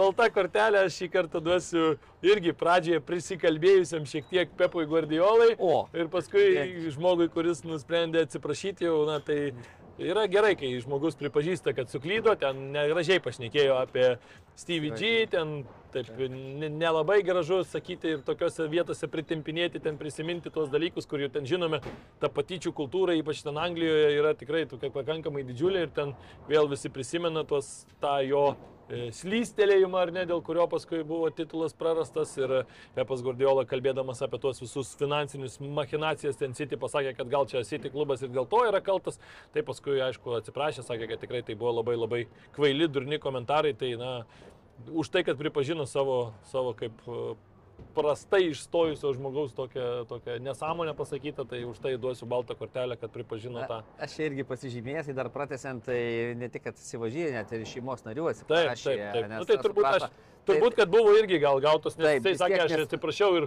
žmogaus, ir, ir paskambinau Stevenui, ir tiesiai atsiprašiau, bet turiu, kadangi pasakiau tai viešai, turiu ir viešai atsiprašyti. Na, liežuvio nelaiko, ne? Gardiola. Na, aš dar šiek tiek prikabinau ir būtent dėl tos jo taktikos pasirinktos. Bet kas džiugu, kad jis vėlgi įvardė kaip klaidą. Tai yra retas Taip. treneris, kuris, na, pripažintų, kad, žiūrėkit, sugalvojau taktinius kažkokius naujus dalykus, dėl kurių šiaip yra kritikuojamas. Pažiūrėkime, kiek kartų sudegė man sitį anksčiau, kada sugal, sugalvojo lemiamos Taip, ypač čempionų pakeist- lygose kažkur tai taip. Kažką pakeisti nesigauna. Bet um, ta kortelė irgi na, balta tam, kad jisai pripažino, kad jis nesuvikė mano taktiką. Taip. Grįžom prie ankstesnių, galbūt ten tų taktinių dalykų, ką žino žaidėjai ir kas paprašiau įgyvendinama, štai pasiekėme rezultatą. Tai vat, vienur pasako, po to atsiprašo, pad- padaro, bet pripažįsta savo klaidą, na, nėra toks blogas žmogus tas Gardiola. Ne, ne, tai kad blogas žmogus, tai tikrai ne, čia tiesiog kartais išprūsta. Taip, taip. Aš baltą kortelę duosiu, na, čia labiau netiktų, kai mes anksčiau šią rubriką vadinom top žvaigždė. Tai top žvaigždė, kuriam baltą kortelę rodo, tai Gvidas Gineitis yra. Tai tikras pavyzdys, kad Lietuvos futbolininkams, jauniems futbolininkams visiems, na, vyresniems gal jau sunkiau, bet vis dėlto tai yra... Svajonės pildos. Tai svajonės pildosi ir svajonės ne tik jo paties, bet pildosi ir Lietuvos futbolo gerbėjo, kur sakau, visai tu su kitokiu entuzijazmu žiūri tas rungtynės, negu žiūrėtum Torino su Milano eilinės rungtynės. Tai tikrai, vat, kuo daugiau tokių pavyzdžių, tuo daugiau baltų kortelių ir tuo daugiau apie tai šnekėsim, kur kažkada ir sakydom, jau minėjom Holandą ne vieną kartą su. Odegoru, tai kažkaip kalbėjom, sakom, lengva Norvegijos futbolo žurnalistams susėsti ir svarstyti. Ten kiek- kiekvieną savaitę galėjo būti tema, kur geriau Holandui išeiti. Ne, iš Dortmundo. Borusijos. Ką pasakyti? Tai čia, vat, mes, Tuoj kalbėsim, kad, kur- ir mums kuo daugiau Kur giniai čia kita tai- stotelė, ar ne? Tai. O raudoną kortelę tai aš, e, aš jau net jos neduosiu, nes yra kas davė. Tai yra Ukrainos minai futbolininkai, Turkijoje viešbutėlį. Pagavo maskolius, prilupo gerai, sako, buvo ir lūžių, ir visko. Ir taip nosis, ir toliau. šonkaulių ten. Taip, taip, taip. Tai, a, liaudiškai pasakysiu, bet Tai taip, ten aš kitokių žodžių ir nerandu. Davė į snukį ruskiam, kai turi būti. Tai taip ir ir, ir ten, aišku, ruskiai bandė dar ir pasižiūrėjau ir prieš laidą e, ruskų žiniasklaidą, tai aišku, vėl ten kartojo, kad ukrainiečiai liepė himną gėduoti Ukrainos, ten kažkokia Jo, jo. masė. tenais. Stovi nes, ten ginasi. nes mes turėtumėm kitos šalies gimdą mokėti, ar ne? Taip, Iš taip, ten, ir ten sakė, ir vienas ten sakė, davėmės ir jiem atgal, o ten realiai tai prilupo gerai ir ukrainiečių sako, kokį himną, kokį himną gali gėduoti, sako. A, Tai Savo yra, tai yra ruskių normalus elgesys nuvažiavus į tokias Turkijas. Ten iškoliojo kažkokią darbuotoją, dar kažką, ukrainiečiai užsistojo. Tai kas buvę Turkijoje, Egipte, viešbutį su ruskiais, Nu tai man atrodo, klausimų tada nekyla. Taip, taip. Klausimų, man teko vat, vieną kartą būti Turkijoje žiemą, kai vat, būtent komandos stovyklauja ir buvo tada apie 14 iš viso komandų, tai gal 12 ruskų buvo. Ten ateina su būcais valgyti, ką tik iš po treniruotės, o ten nesintetinės dangos, ten pabrus, viskas byra, getras nusimaukština, ten viskas byra, su šortais sėdė, tokie, nu, kai, kai, nu, tai ten ir kas iš to, kad ten prašo tie darbuotojai, kad jūs, na, Taip, persūkite, taip, toliau, kas iš to? Įdina dažniausias žodis. Tai matyt dabar taip ir buvo, ukrainiečiai palauk nebuvo, ateik čia pastatuką. Jis nukį, jis nukį į policiją. Ir išmetė ruskus ir iš viešbučio, kad nebūtų. Jo, jo, čia šitas Tai geras. sako, Tai va, tai, tai va, raudoną kortelę už mane parodė ukrainiečiai. Šį kartą lieku be jos. Aš raudoną kortelę šį kartą parodysiu arsenalo gerbėjams, kurie ten pradėjo bokalus, daiktus mėtyti, Keviną Debriūnę pakeistą, tai vėl gal tokiuose situacijose grįžti reikia prie to, kad gal žaidėjams ir yra saugiau pasikeisti yra toj zonui, kur yra techninė, nes ten eina žaidėjas mėto, nu man tai apskritai nesuprantama toks kažkoks degradiškas į- veiksmas, tokie vat, judesiai, nu atrodo, tai ką dabar tie žmonės, man įdomu, kai ne stadione būna, tai irgi kažkas nepatiko ir mėto į žmonės ten daiktus, dar kažką, nu, atrodo, stadione galioja kažkokios kitos taisyklės, žmogus eina, tu gali jį ten mėtyti viską. Aišku, Kevino Debriunės elgesys man labai patiko toksai, tas žvilgsnis nugalėtojo, viską pasakant. Pamatė, kad ne belgiškas alus. Pasakantis viską buvo, jo galvoje, čia jūs savo šituo patys, bet, nu, man tai kažkoks kosmosas, tiek nesuprantu, nu, kažkaip turėtų uždraust, turėtų išgaudyti tos fanus, neįleidinėti. Yra vienas dalykas, kai tu ten šūkauji emocijos, bet, nu, mėti daiktus į žmogų dabar, nu, ką jis tas blogo padarė. sakai, va, čia vis tiek ir gatvė nepatinka, tai mėtysi. Dabar įsivaizduok, na, futbolo rungtynės tai kas yra? Reginys, spektaklis, ne? Sėdi spektaklį, pamiršo užsikirto viški aktorių žodžius. Iš bokalo. Sėdi operoje, ne koks nors ten. Tenoras, ne tai. Na, tai vaizdu. Kolegos, tai pataikius raudoną kortelę. Aha, jūs čia vardinat vienus variantus, ką galima stadione daryti, ko negalima. O Prancūzija, Nicoje. Prancūzijai buvo Taip, ten žiūrovai elgėsi. Tai va, raudona kortelė už tai, kad už nepagarbą, vadinkime, futbolui. Ar už tai, kad, stadionai, ar už tai, kad filmavo, ar už tai, kad neparodė? Ne, tai man čia ir toliau interpretuokit kaip norite. Aš mačiau irgi komentarų, daug buvo po tą, po tą naujieną, kad, o tai kur minijo? Leis pasakyti naujieną, gal dar kas nežino. Tai čia. Ja, tai ta visą laimė, aišku, tą mačą vietą 1-0, bet kiek įvarčių buvo pelnyta filmavimo metu. Visuose.